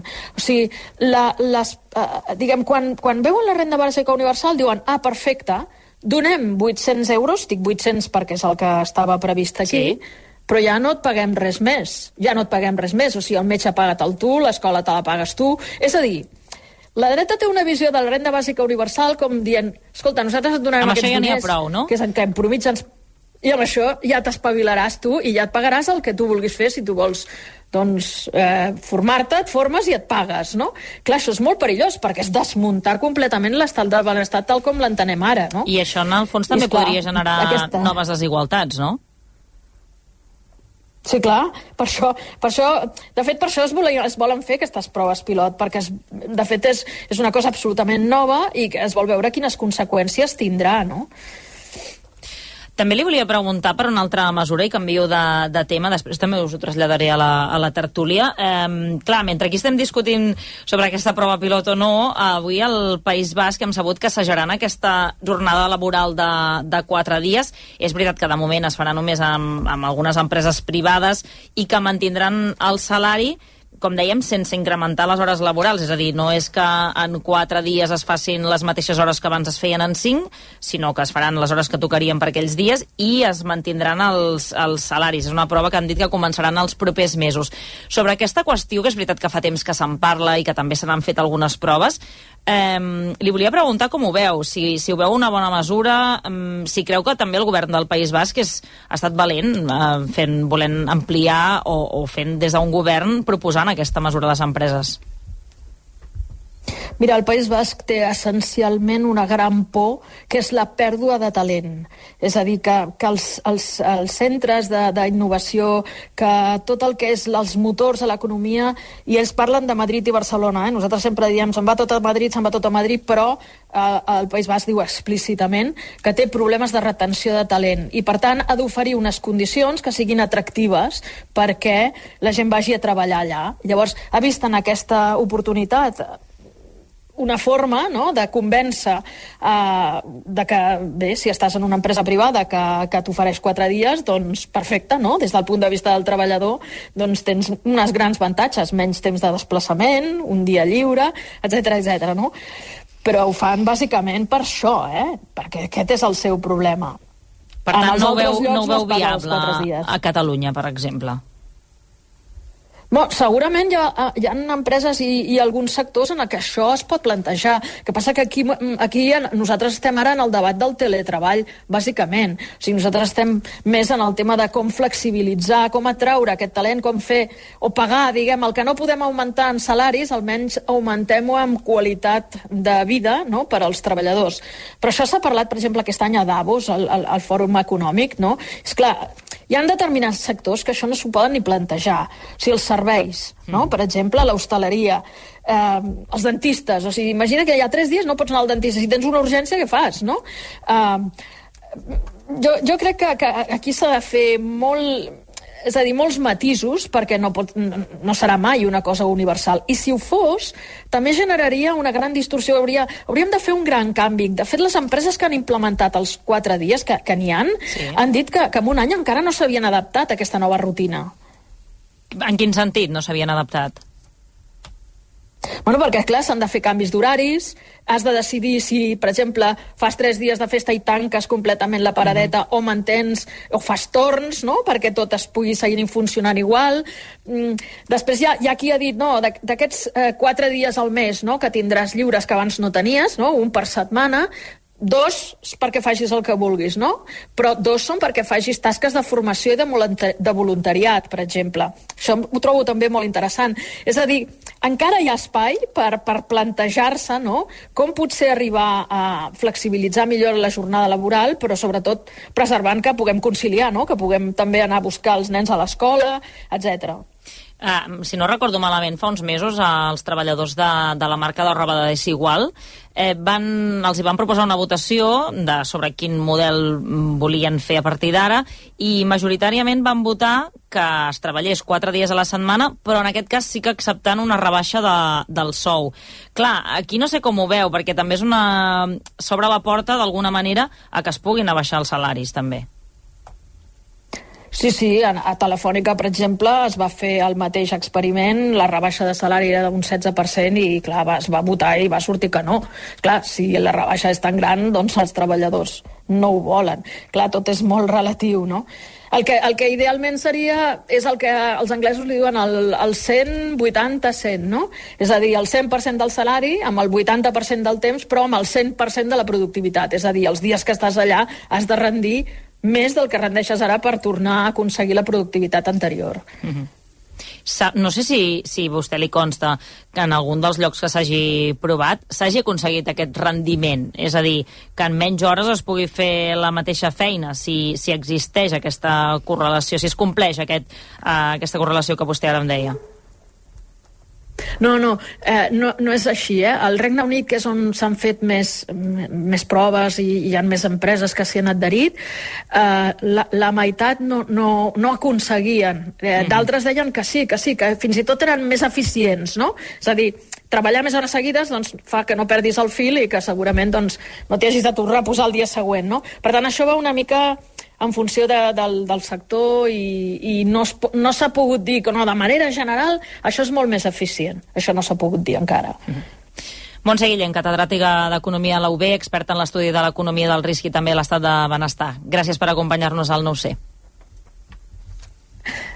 Gràcies. Que vagi bé, bona Adéu. nit. No sé com, com veuríeu aquesta proposta. Mm, És el que deia ella, no?, que potser sí que al País Basc doncs, mm, necessiten generar aquest incentiu de que la gent no marxi i, doncs, home, mm, treballar quatre dies en comptes de cinc doncs, seria una bona mesura, però també és veritat que no es podria aplicar a tots els sectors, no? Dolors, tu feies així, com l'hem dit. A tots els sectors és impossible. Ah, és que quan ella ho ha dit, no, tots, crec que tots estàvem pensant el mateix, és a dir, hi ha sectors segurament no, que tenen ara aquestes dificultats de captar talent o de retenir-lo sobretot, o més, eh, més de despatx i d'ordinador per entendre'ns, no? és a dir, un tipus de, de feines que, que poden plantejar-se que la gent doncs, eh, in, intensifiqui la feina durant uh, tres dies i el quart doncs, no, quatre dies i el, i el cinquè ja no hi vagi a treballar però mm, hi ha quantitat de sectors en els que el problema d'avui no és eh, la retenció de talent o que la gent no, no es marxi a treballar a altres bandes, que és que la gent no compleix el seu horari perquè tenen jornades que van molt més enllà del seu horari legal, no? Mm -hmm.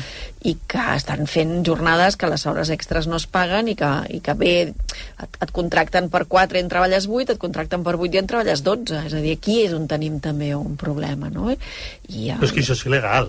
ja, però, Sí. sí. però aquest és on tenim el problema i, i per tant, probablement és aquí on cal fer també un esforç, no? Per tant, això que al final deia ella, de la desigualtat, que, que acabaríem creant com dos règims laborals diferents, no? d'aquells que tenen un cert, eh, una certa flexibilitat i unes condicions, i aquells que mm, no mirem, però que no? amb una precarietat molt alta, i que només la inspecció o la persecució del delicte acaba no? normalitzant, em sembla que no, que, que és una cosa que hem de posar sobre la taula abans, no?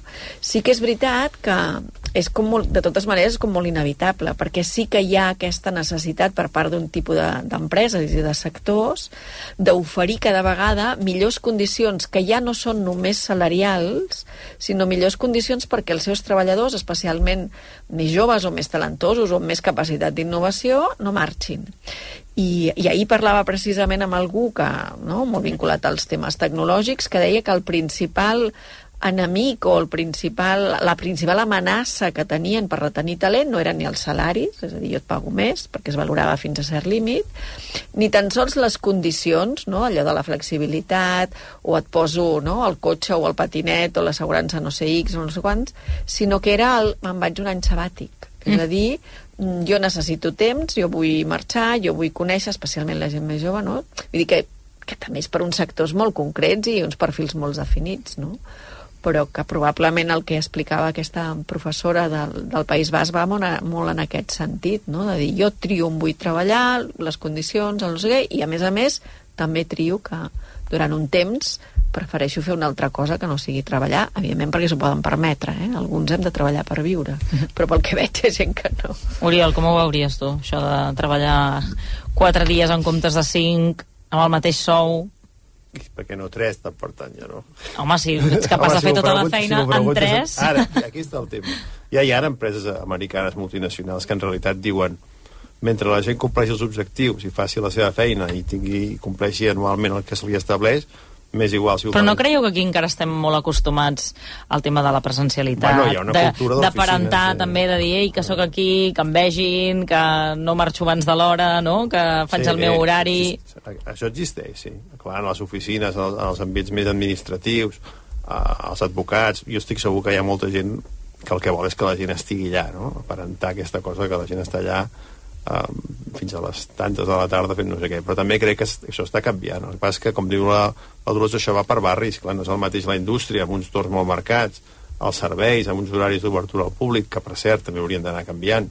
Si vas a França no estan pas les botigues obertes fins a dos quarts de nou del vespre però en els sectors més, més, uh, més lligats a la tecnologia, on, on hi ha manca de, de llocs de treball qualificats, no és el mateix els, una empresa que necessita informàtics, que té la necessitat d'oferir-los molt bones condicions, no només salarials, sinó si vols teletreballar, treballa, si vols uh, fer, fer dies de permisos, fes-los, és a dir, no és el mateix la tenim la necessitat de fidelitzar personal que costa molt de trobar que no pas eh, per treballadors que potser és més fàcil de trobar, no? però també és cert que estem en un moment eh, de canvi, que el, el mercat de treball està canviant molt, que el teletreball, que era una cosa estranyíssima, en certa manera s'ha anat normalitzant, tot i que sembla que, que va retrocedint, però en moltes empreses ha arrelat més del que era abans de la pandèmia i també és veritat que la baixa natalitat eh, farà que a poc a poc la, hi haurà una manca de treballadors i si no hi ha immigració, per exemple, està bastant calculat que, que molts llocs de treball no es cobririen, no?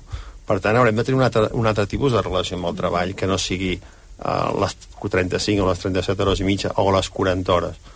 I també tindrem molts més instruments de productivitat, per exemple, lligats a les tecnologies, que haurien de fer possible treballar el mateix, aconseguir els mateixos resultats destinant-hi menys hores i no sé, la Dolors i jo, que som potser els més grans d'aquí, ho hem vist això, i no és el mateix com treballàvem fa 15 o 20 anys Avui deia això exactament. amb el que treballem ara. Jo personalment, només les eines, van dir el nom, però només les eines de treball que proporciona Microsoft, els Teams, els, els Drive, tota la capacitat de compartir documents, és impressionant els, els, els, els salts de productivitat que això tu veus en el teu, ho veus tu en el teu dia a dia.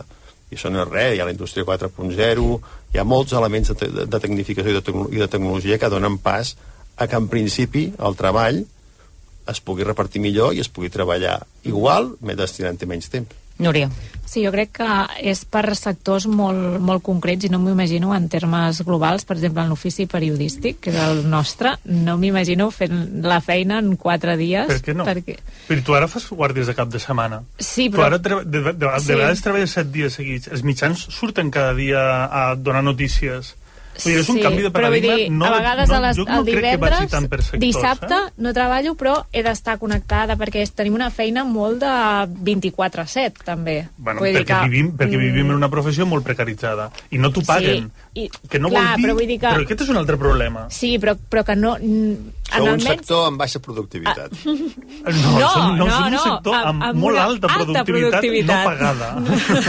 no pagada. O un sec- o, o un sec- i, i, Que són també, majoria origal. I també un sector amb crisi, amb dificultats per tirar endavant i per, i per adaptar-se Sí, però això és un jo problema no, del treballador, Jo no m'imagino en quatre dies fer tota la feina que hi ha amb les mans que hi ha, diguéssim, Ahí als- està, en el, aquí en el és el sector. tema. Com s'ho fan els mitjans per, treball, per treballar, per sortir cada dia, diguéssim? Doncs pues fan més, més gent. Com s'ho fan eh, el transport per treballar cada dia? Pues anti més gent. Hi ha més Clar, el que passa és que si s'han de mantenir metro. els sous, la Rafa? Com s'ho fa la Clar, logística? És que si tu tens... Eh, si tu realment et creus que treballador content és treballador productiu, aquella persona pot fer més feina o la mateixa feina Però hi ha feines que són les determinat- mateixes, no? És a dir, el Sí, ja conductor ho de l'autobús no, no farà més rutes ni però farà ja ho tenen més... ara, això. Simplement, en aquell sector, diguéssim, se li ha de distribuir les hores d'una manera diferent, diguéssim. O, o, o se li ha de compensar d'alguna manera, igual que en els altres sectors. I hi ha hores eh, que són nocturnes que es paguen més cares en determinats Sí, sectors. Eh, hi ha hores que són de diumenge que es paguen més cares en determinats sectors. I això durant els anys que s'ha anat acoplant, diguéssim, perquè no sempre ha sigut així, i s'ha fet, i no, i no ha passat res, el món no s'ha caigut. Les indústries han continuat. Hi ha, hi ha indústria que, que treballa 24 hores o 7 dies a la setmana. Com s'ho fan? Ostres, pues de la mateixa manera, posant-hi més gent o aplicant la productivitat d'una manera diferent i, i compensant el treballador d'una altra manera. També hi ha una cosa que és un canvi generacional.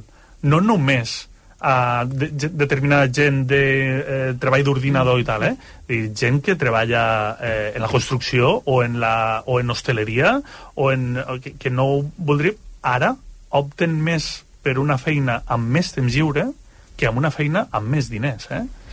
Rafa, ha un estaria, o sigui, estaria superbé això que dius, eh? Vull dir, jo estic molt a favor en termes de filosofia, però el que passa a les empreses, crec, la majoria d'empreses privades i que no estem parlant de grans empreses sinó de petites, és que eh, els sous doncs, són els que són, si han de reduir la jornada i han de mantenir el mateix sou als treballadors i si es necessiten més mans, contractar més gent, jo crec que els números tampoc sortirien. I en tot cas crec que el repte global no és aquest, sinó és la conciliació mm, laboral i familiar, no per tenir un dia més lliure, sinó en el dia a dia també. I tant de bo. Sí. Perquè el que tenim són jornades molt llargues que no concorden amb el, amb el, amb el nostre temps lliure mm, de forma diària, no només al, al cap de setmana. I potser el repte és avançar una mica tot en termes societat eh, global, no? I, i que no hi haguin coses a les 7 de la tarda, a les 8, a les 9, i així tots anem a casa abans. Complicat.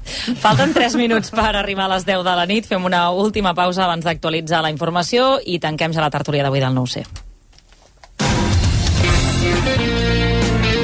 RAC1. El futur és l'habitatge municipal i adaptat per persones grans. Per facilitar-los una millor qualitat de vida, construïm habitatges que, a més d'estar preparats per guanyar en autonomia i seguretat, tenen serveis de cura i espais comuns de lleure. El futur ja és present a barcelona.cat barra habitatges gent gran. Ajuntament de Barcelona. Coneixes la nova gamma electrificada de Nissan? Has sentit parlar de la nova tecnologia e-Power? No deixis escapar aquesta segona oportunitat i vine fins al 4 de març a provar un dels nostres nous models. Entraràs al sorteig per aconseguir un dels 50 forfets dobles que sortegem per passar un dia a la Molina. Consulta les condicions a la web dels concessionaris adherits Nissan Romauto, Nissan Motor Llançà i Nissan Santi Enrique. A Sant Boi hem fet de la nostra Unió una ciutat que cuida el medi ambient. A només 10 minuts de Barcelona trobaràs Sant Boi Motor Ciutat de la Mobilitat Sostenible. Ofertes úniques per estrenar avui mateix el teu cotxe o moto. Sant Boi Motor Ciutat de la Mobilitat Sostenible. 35 marques al teu servei. Amb el suport de l'Ajuntament de Sant Boi de Llobregat. Santi Enrique, el teu concessionari Nissan a la província de Barcelona. Servei, professionalitat i qualitat. Som Santi Enrique, som Nissan i estem a Barberà, Sabadell, Igualada, Martorell, Granollers, Terrassa i Sant Cugat. santienrique.com. Som Nissan. Vida. Risc. Cobert. És molt senzill assegurar-se amb el Betia. Simple, clar, el Betia. Si ets dels que no saben esperar, no cal que esperis per tenir el teu nou Ford. A la xarxa Ford de Catalunya disposem d'unitats amb entrega immediata. Descobreix la nova mobilitat. Descobreix la gamma electrificada de Ford. Aprofita ara. Ofertes especials només aquest mes. Afanya't. Unitats limitades. La nova mobilitat és cosa de Ford. Xarxa Ford de Catalunya. Restrena cotxe Autovivo. Escull entre més de 350 vehicles, quilòmetre zero, gerència i seminous, directes de concessionari i amb etiqueta ambiental totalment garantits i que podràs finançar al 100%. Només aquest mes emporta't el cotxe ara i no comencis a pagar-lo fins l'estiu. Dissabte obrim matí i tarda. Vine a veure'ns a la carretera Santa Creu de Calafell 95 a Sant Boi de Llobregat. Autovivo.es. Aviat faràs 10 anys. Què voldràs? Mm, si només puc treure una cosa, ho tinc clar. Això què més ho necessita? Està molt bé això que dius, però com ho penses fer? Molt fàcil, participant a la Magic Line, que aquest any en fa 10, com jo. I anirem, oi? A la Caminada Solidària de Sant Joan de Déu? I tant que sí. I podran venir els meus amics. A la Magic Line hi té lloc tothom. Inscriu-te a la Magic Line de Sant Joan de Déu i diumenge 26 de març camina per un món millor. Inscripcions a magiclinesjd.org. Em vull vendre el cotxe, vendre el cotxe. A Vender mi cotxe et comprem el cotxe. Però com? On i quan? Si no tinc temps. Fàcil i molt de pressa. No cal ni demanar cita. Vine amb el teu cotxe, accepta la millor oferta i abans de 30 minuts tu i els teus diners espereu de tornada a casa. Vinga, venta el cotxe a Vender mi cotxe. Som a Barcelona, al carrer Rocafort 78, Cornellà de Llobregat i a Sabadell.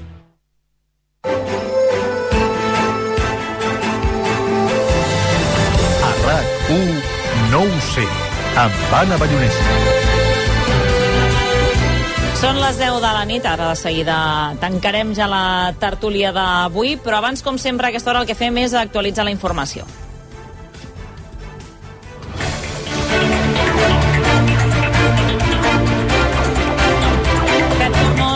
Nit. Bona nit. Què és el més destacat a aquesta hora? Doncs que Artur Mas també es planteja querellar-se per l'operació Catalunya. L'expresident de la Generalitat ho està acabant de decidir. Aquesta tarda hem sabut que Jaume Giró farà el pas dilluns i farà la denúncia a un jutjat de Madrid contra l'excomissari José Manuel Villarejo. Ho ha avançat el diari Ara i ho ha confirmat RACU. L'exconseller també se sumarà, sumarà més noms a la querella, Maria Dolores de Cospedal, Jorge Fernández Díaz i l'exsecretari d'Estat de Seguretat, Francisco Martínez. Ho farà una setmana després que un magistrat acceptés investigar l'operació Catalunya a petició de l'expresident del Barça, Sandro Rossell. D'altra banda, el futur dels cotxes amb benzina a partir del 2035, que queda ara a l'aire. Això després que Alemanya s'hagi despenjat a última hora de l'acord a què els mateixos 27 països havien arribat al Parlament Europeu. Berlín ha fet saltar pels aires el pacte per prohibir la venda de cotxes dièsel i gasolina a partir de l'any 2035. Ha demanat ajornar la votació fins que la Comissió Europea li doni garanties que podrà continuar venent cotxes amb combustibles ecològics. Això se suma als dubtes també d'altres altres països com Itàlia o Polònia amb una potent indústria automobilística. Mentre dura aquest veto, la mesura no podrà entrar en vigor.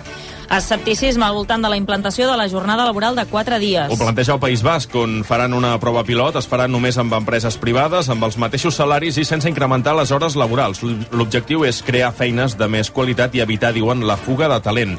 En una entrevista al 9C de rac la catedràtica d'Economia de la UB, Montse Guillén, recorda que al Regne Unit han fet diversos assajos i la meitat no han aconseguit un bon índex de productivitat i eficiència i plantejava aquests problemes. Has de decidir si, per exemple, fas tres dies de festa i tanques completament la paradeta o mantens o fas torns, no?, perquè tot es pugui seguir funcionant igual. És a dir, encara hi ha espai per, per plantejar-se, no?, com potser arribar a flexibilitzar millor la jornada laboral, però sobretot preservant que puguem conciliar, no?, que puguem també anar a buscar els nens a l'escola, etc.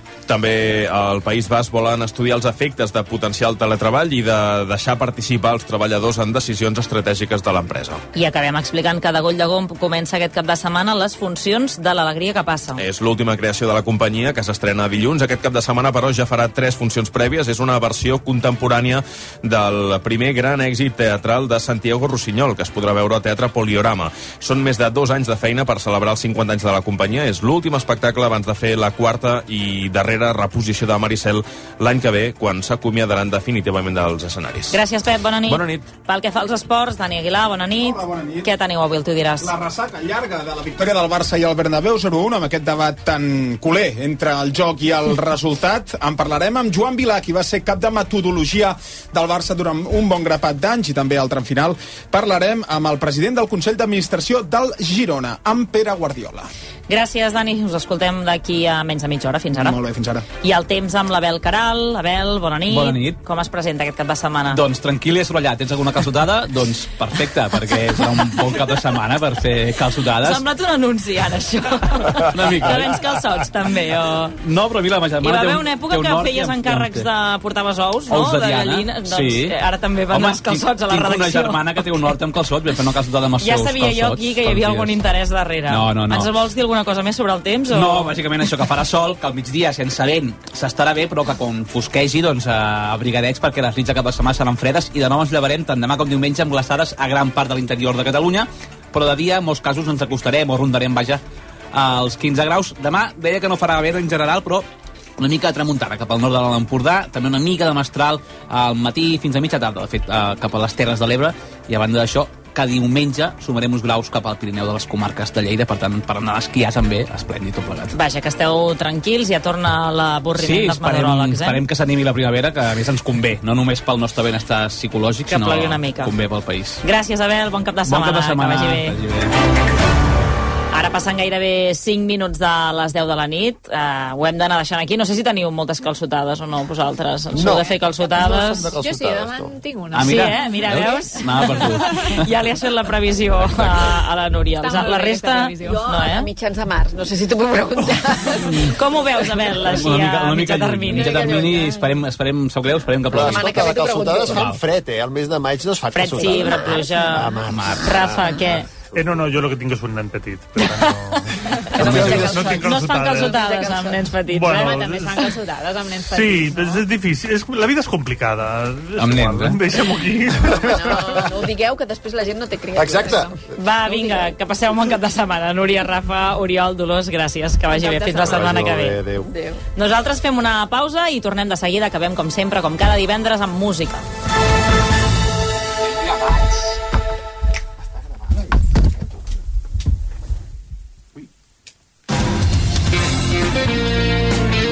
RAC1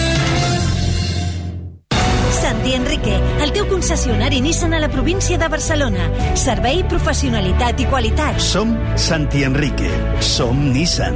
I estem a Barberà, Sabadell, Igualada, Martorell, Granollers, Terrassa i Sant Cugat. santienrique.com. Som Nissan. Arriba una nova dimensió Volvo a Barcelona. Volvo Diesel Auto La Maquinista, al carrer Potosí 4. Tota la gamma Volvo amb condicions irrepetibles dins un nou punt de venda amb la qualitat en el servei i l'atenció al client que sempre ha caracteritzat a Diesel Auto. Visita'ns ara i aconsegueix el nou Volvo XC40 amb entrega immediata. Volvo Diesel Auto La Maquinista. Diesel Auto. Pensant en tu. A Sant Boi hem fet de la nostra unió una ciutat que cuida el medi ambient. A només 10 minuts de Barcelona trobaràs Sant Boi Motor Ciutat de la Mobilitat Sostenible. Ofertes úniques per estrenar avui mateix el teu cotxe o moto. Sant Boi Motor Ciutat de la Mobilitat Sostenible. 35 marques al teu servei. Amb el suport de l'Ajuntament de Sant Boi de Llobregat. Sheku Kane Mason al Palau de la Música. El famós violoncel·lista presenta un recital únic a Barcelona. Viu una experiència inoblidable amb aquesta jove estrella de la música admirada pel públic i la crítica. Només el 9 de març. Entrades a la venda a palaumusica.cat.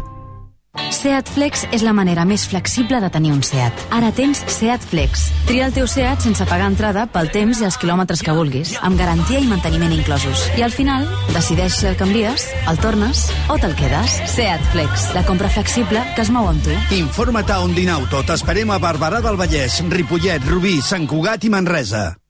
Si ets dels que no saben esperar, no cal que esperis per tenir el teu nou Ford. A la xarxa Ford de Catalunya disposem d'unitats amb entrega immediata. Descobreix la nova mobilitat. Descobreix la gamma electrificada de Ford. Aprofita ara. Ofertes especials només aquest mes. Afanya't. Unitats limitades. La nova mobilitat és cosa de Ford. Xarxa Ford de Catalunya. A Romacar, el major grup de concessionaris oficials fora Barcelona, estem de celebració.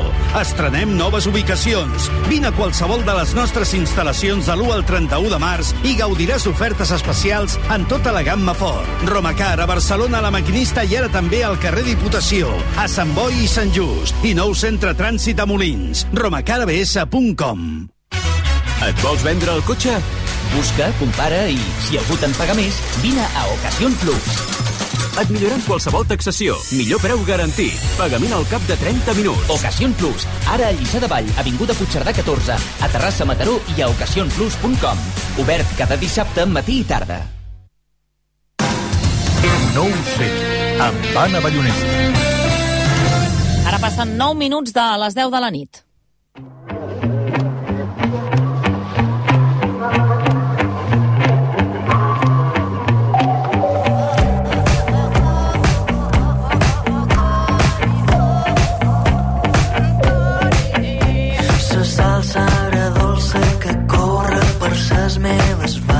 Jordi Garrigós, com estàs? Bona nit. Bona nit, molt bé. Què ens portes avui per acabar ja la setmana, aquest moment que sempre diem, no? Divendres, aquesta última mitja hora, Contingut que ens blanc, ajuda, contingut blanc. ens ajuda a anar cap al cap de setmana ja. Exacte.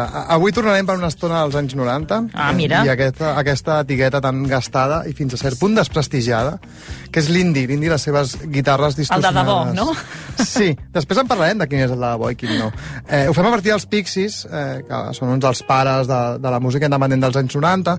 I per què parlem dels Pixies? Eh, doncs perquè aquest dijous que ve, de la setmana que ve, estaran a Barcelona.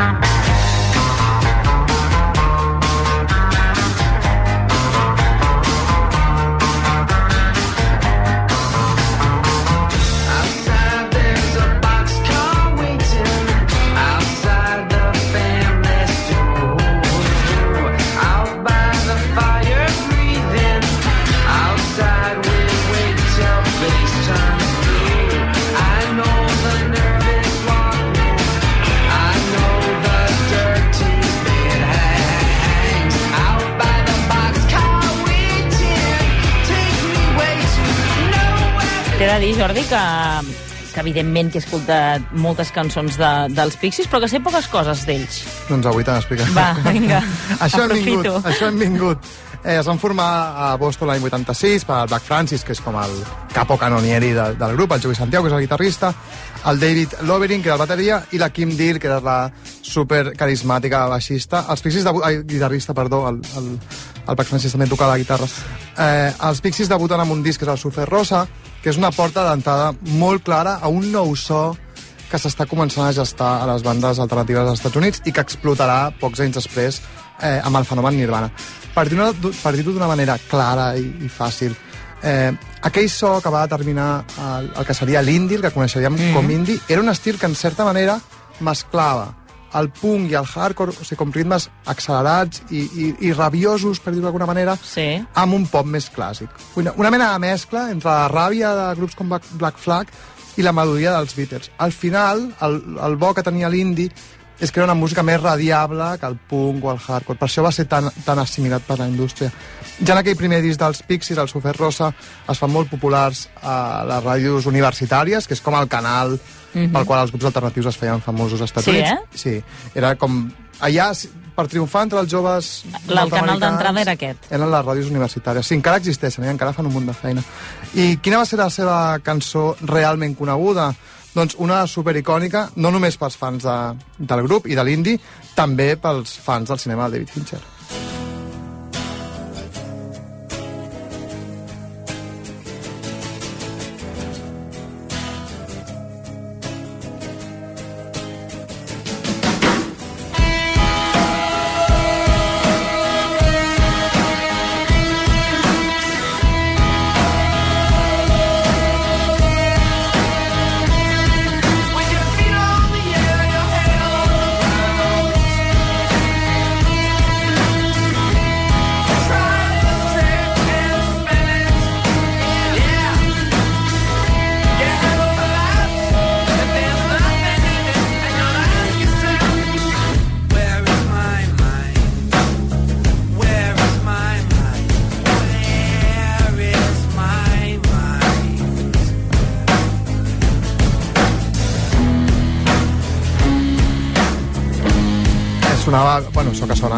Sí. Where is my mind, la cançó principal de la pel·lícula Fight Club, el club de la lucha. Gràcies a aquell disc, els Pixies fitxen per una multinacional, que és Electra, que era filial de Warner, i això és una cosa que veurem constantment quan parlem d'indie, i és que els grups són molt independents fins que deixen de ser-ho. Clar. Clar, i és on, estan... On és el límit, no? Exacte. I és, de fet, és on està... quan, es... quan arriben a les multinacionals, que és quan es fan famosíssims. Passarà pràcticament tots els grups, sense excepció, que es van fer realment populars en aquell moment, i al final és una realitat molt trista, perquè es va demostrar que tu no podies eh, ser realment famós a tot el món si no estaves a una, a una multinacional.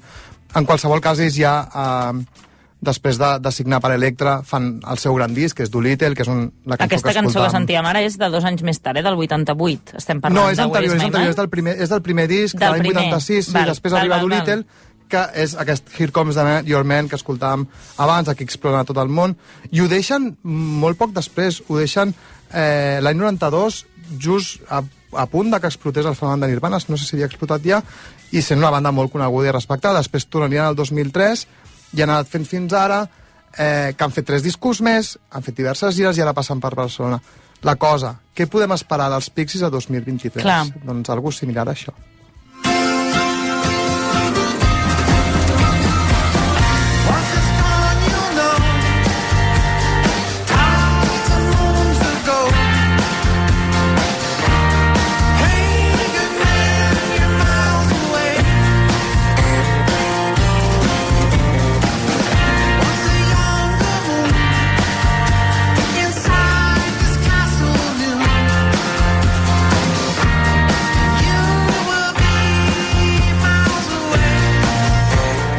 Esperem...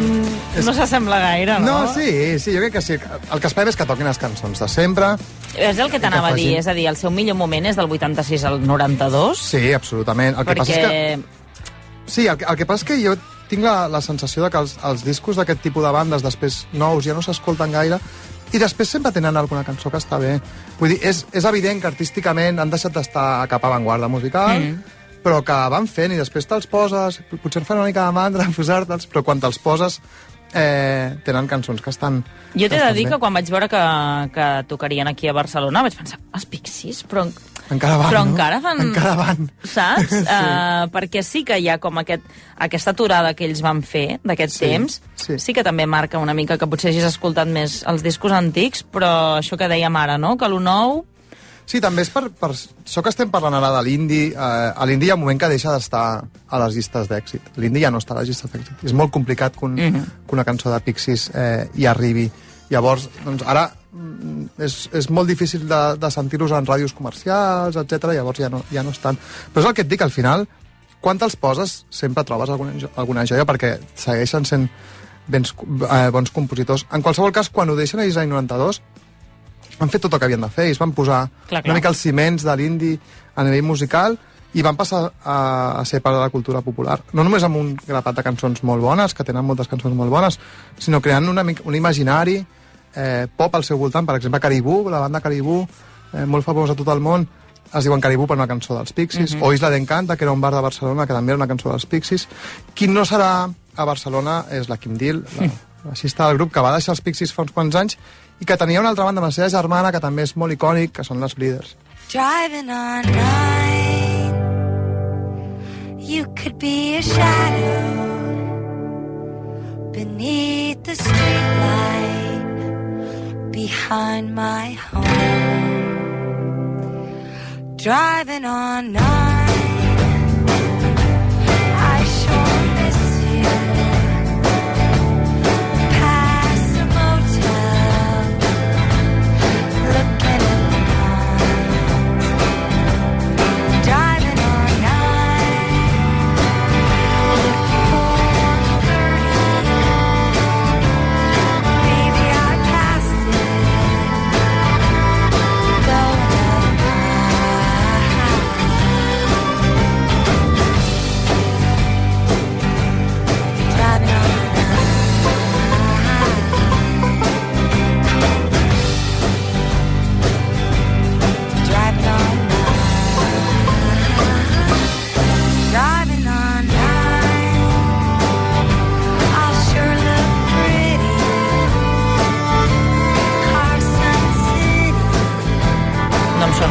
eh? en qualsevol cas, els Pixies van ser uns dels pares de l'explosió dels 90, però evidentment no van ser els únics. Abans que ells hi havia diversos grups que cada una a la seva manera i al seu estil marcarien l'explosió aquesta indie dels anys 90, que ara sí que hi entrem definitivament, deixem els Pixies enrere. Indie, evidentment, ve de la paraula independència, és una Sí. mica estrany, és indie. Eh, un un d'aquests grups que posarien al ciment seria el Replacement, un altre seria el REM, que és una gent, un grup que molta gent no el col·locaria a l'indie, però que sí que són absolutament indie quan comencen, després ja treuen Losing My Religion, aquell disc Out Sí. of Time, i es fan increïblement famosos també ja amb una, amb una multinacional i finalment el Sonic Youth que són in, inclús anteriors als Pixies i aquests sí que són com els godfather de, de l'indie Time takes crazy toll.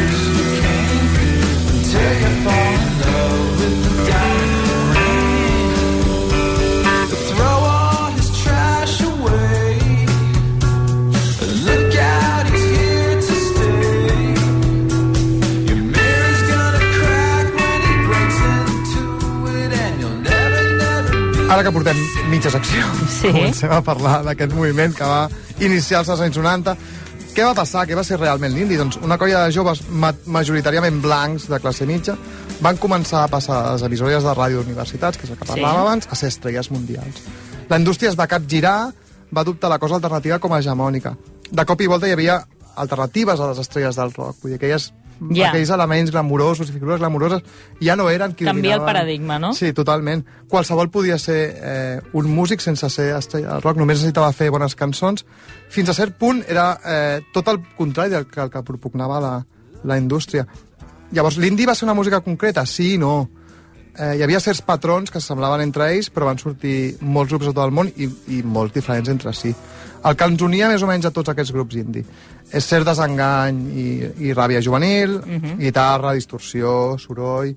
Habitualment eren grups que posaven molta melodia, al final era, és el que dèiem abans, que una mescla de punk hardcore amb el pop, i cert compromís amb, amb tenint una mica d'independència artística.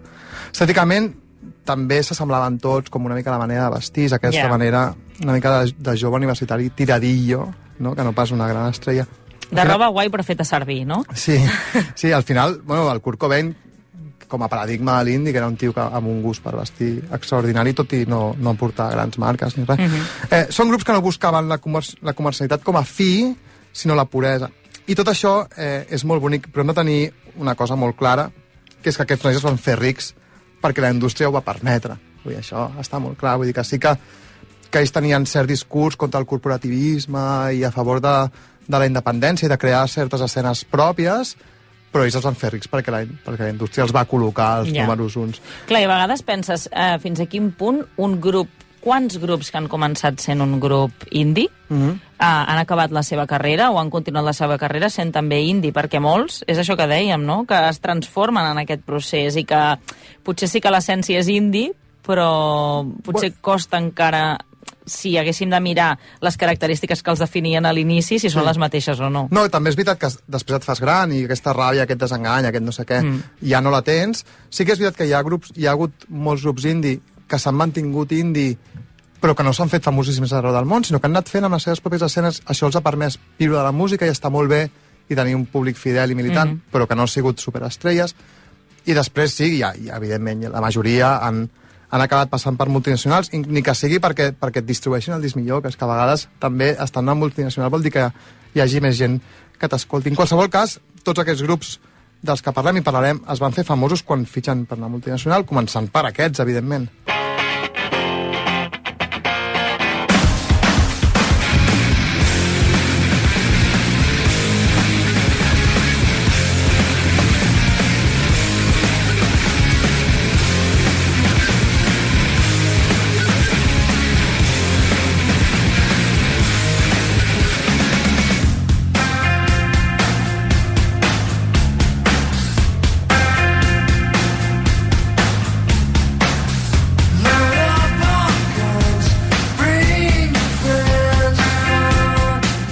De l'any 1991, Nirvana publiquen aquesta cançó, Smell Like Teen Spirit, i tot explota de cop i volta. Tots aquells grups independents comencen a dominar les llistes d'èxit i comparteixen els primers llocs de les llistes amb Mm. mm. les clàssiques bandes de rock d'estadi habituals. Vull dir, són nanos que se suposa que són l'antiestrella del rock ocupant els jocs de l'estrella del rock, Mhm. i això està molt bé. Eh, els Nirvana venien de la, de la sèrie independent de fer un disc amb Sub Pop, que és un segell relativament petit, quan ells ho peten ja ho fan dins una multinacional, és, és el que explicàvem abans. El disc que ells els fa famosos ja és amb Geffen. En qualsevol cas, a la dècada dels 90 veurà com un seguit de bandes que mai haguessin entrat en uns paràmetres de comercialitat entren a, a la cultura popular, comencen a sonar totes les pel·lícules, yeah. tots els programes de tele, tots els dates aquests nord-americans, el David Letterman, etc. són número de les llistes.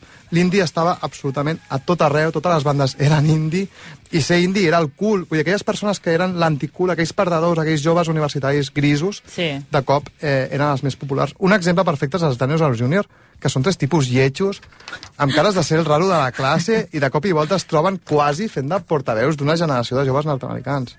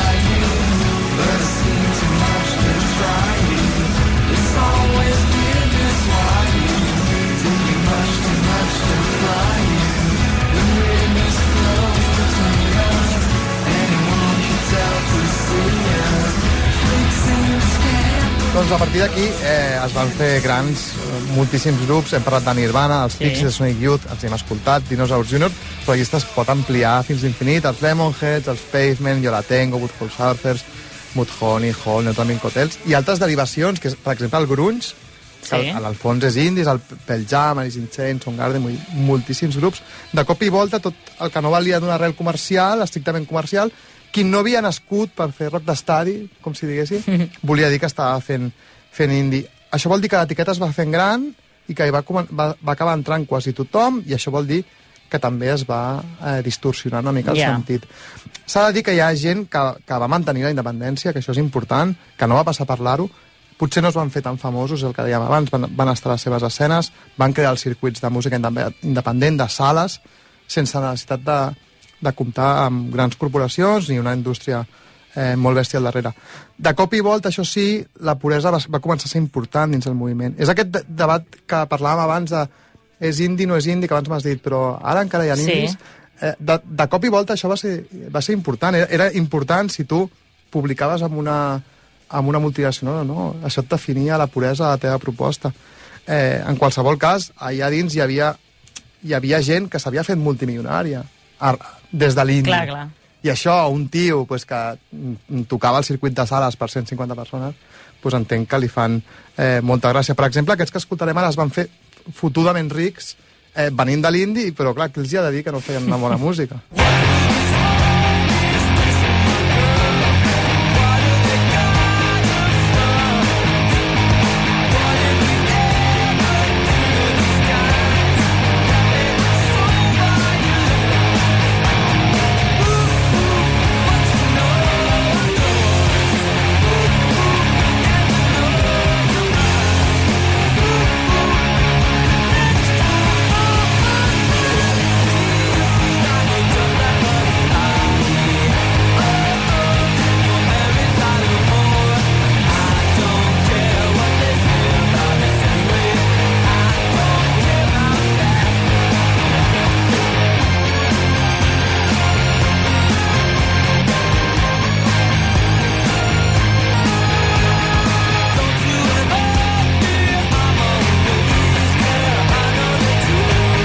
fi dels anys 90 doncs, va anar caient l'indi cada vegada més, va arribar un punt que, que pràcticament tothom que sonava una mica punk i que sortia segell independent es, es considerava indi, tot plegat es va anar desvirtuant i al final la indústria musical va anar buscant altres modes i, i res, l'etiqueta ha anat aguantant fins als nostres dies, més o menys, ha anat Sí. fent, ha arribat a un punt a que se Ara diu costa indi... una eh, mica, no? De, Sí. Dius, on està la línia, això entra dins de l'indi, això no, això... Jo, és... jo diria que, que hi ha... O sigui, els grups que ara se'ls hi diuen indie eh, han deixat de ser els perdedors de classe per ser els, els popos una mica. Vull Sí. dir, que ara, eh, evidentment, el, el sentit original de l'indie no té res a veure amb els grups que, que apareixen. Ara, com a mínim, els que coneixem, que ens toquen més a prop d'aquesta escena espanyola de festivals, de Mhm. festivals indie, no tenen absolutament res a veure Amb el que... no, i amb, i amb, i amb el discurs una mica contestatari i de, i de ser això, doncs, el, el raet de la classe. Eh, el que sí que és cert és que l'indi dels 90 ens va deixar no només cançons increïbles i gent amb un talent increïble, com tots els que hem escoltat, també diverses lliçons els que venim d'allà, perquè al final el periodisme musical d'aquest país que ha estat com en els mitjans venim tots de, de l'indi. Mm. És una cosa que se'ns ha acusat molt, en plan, de no mirar altres escenes, en tots veniu de l'indi, tots, a més tots teniu aquest patró de jove blanc universitari i tal. Però sí que vam aprendre diverses coses importants, com l'odi a les grans corporacions, que això és una cosa que, que et venia de l'indi, que, que tu estaves en contra, que, que veies que hi havia coses que no, que no estaven bé, de com les grans eh, marques comercials controlaven el món de la música.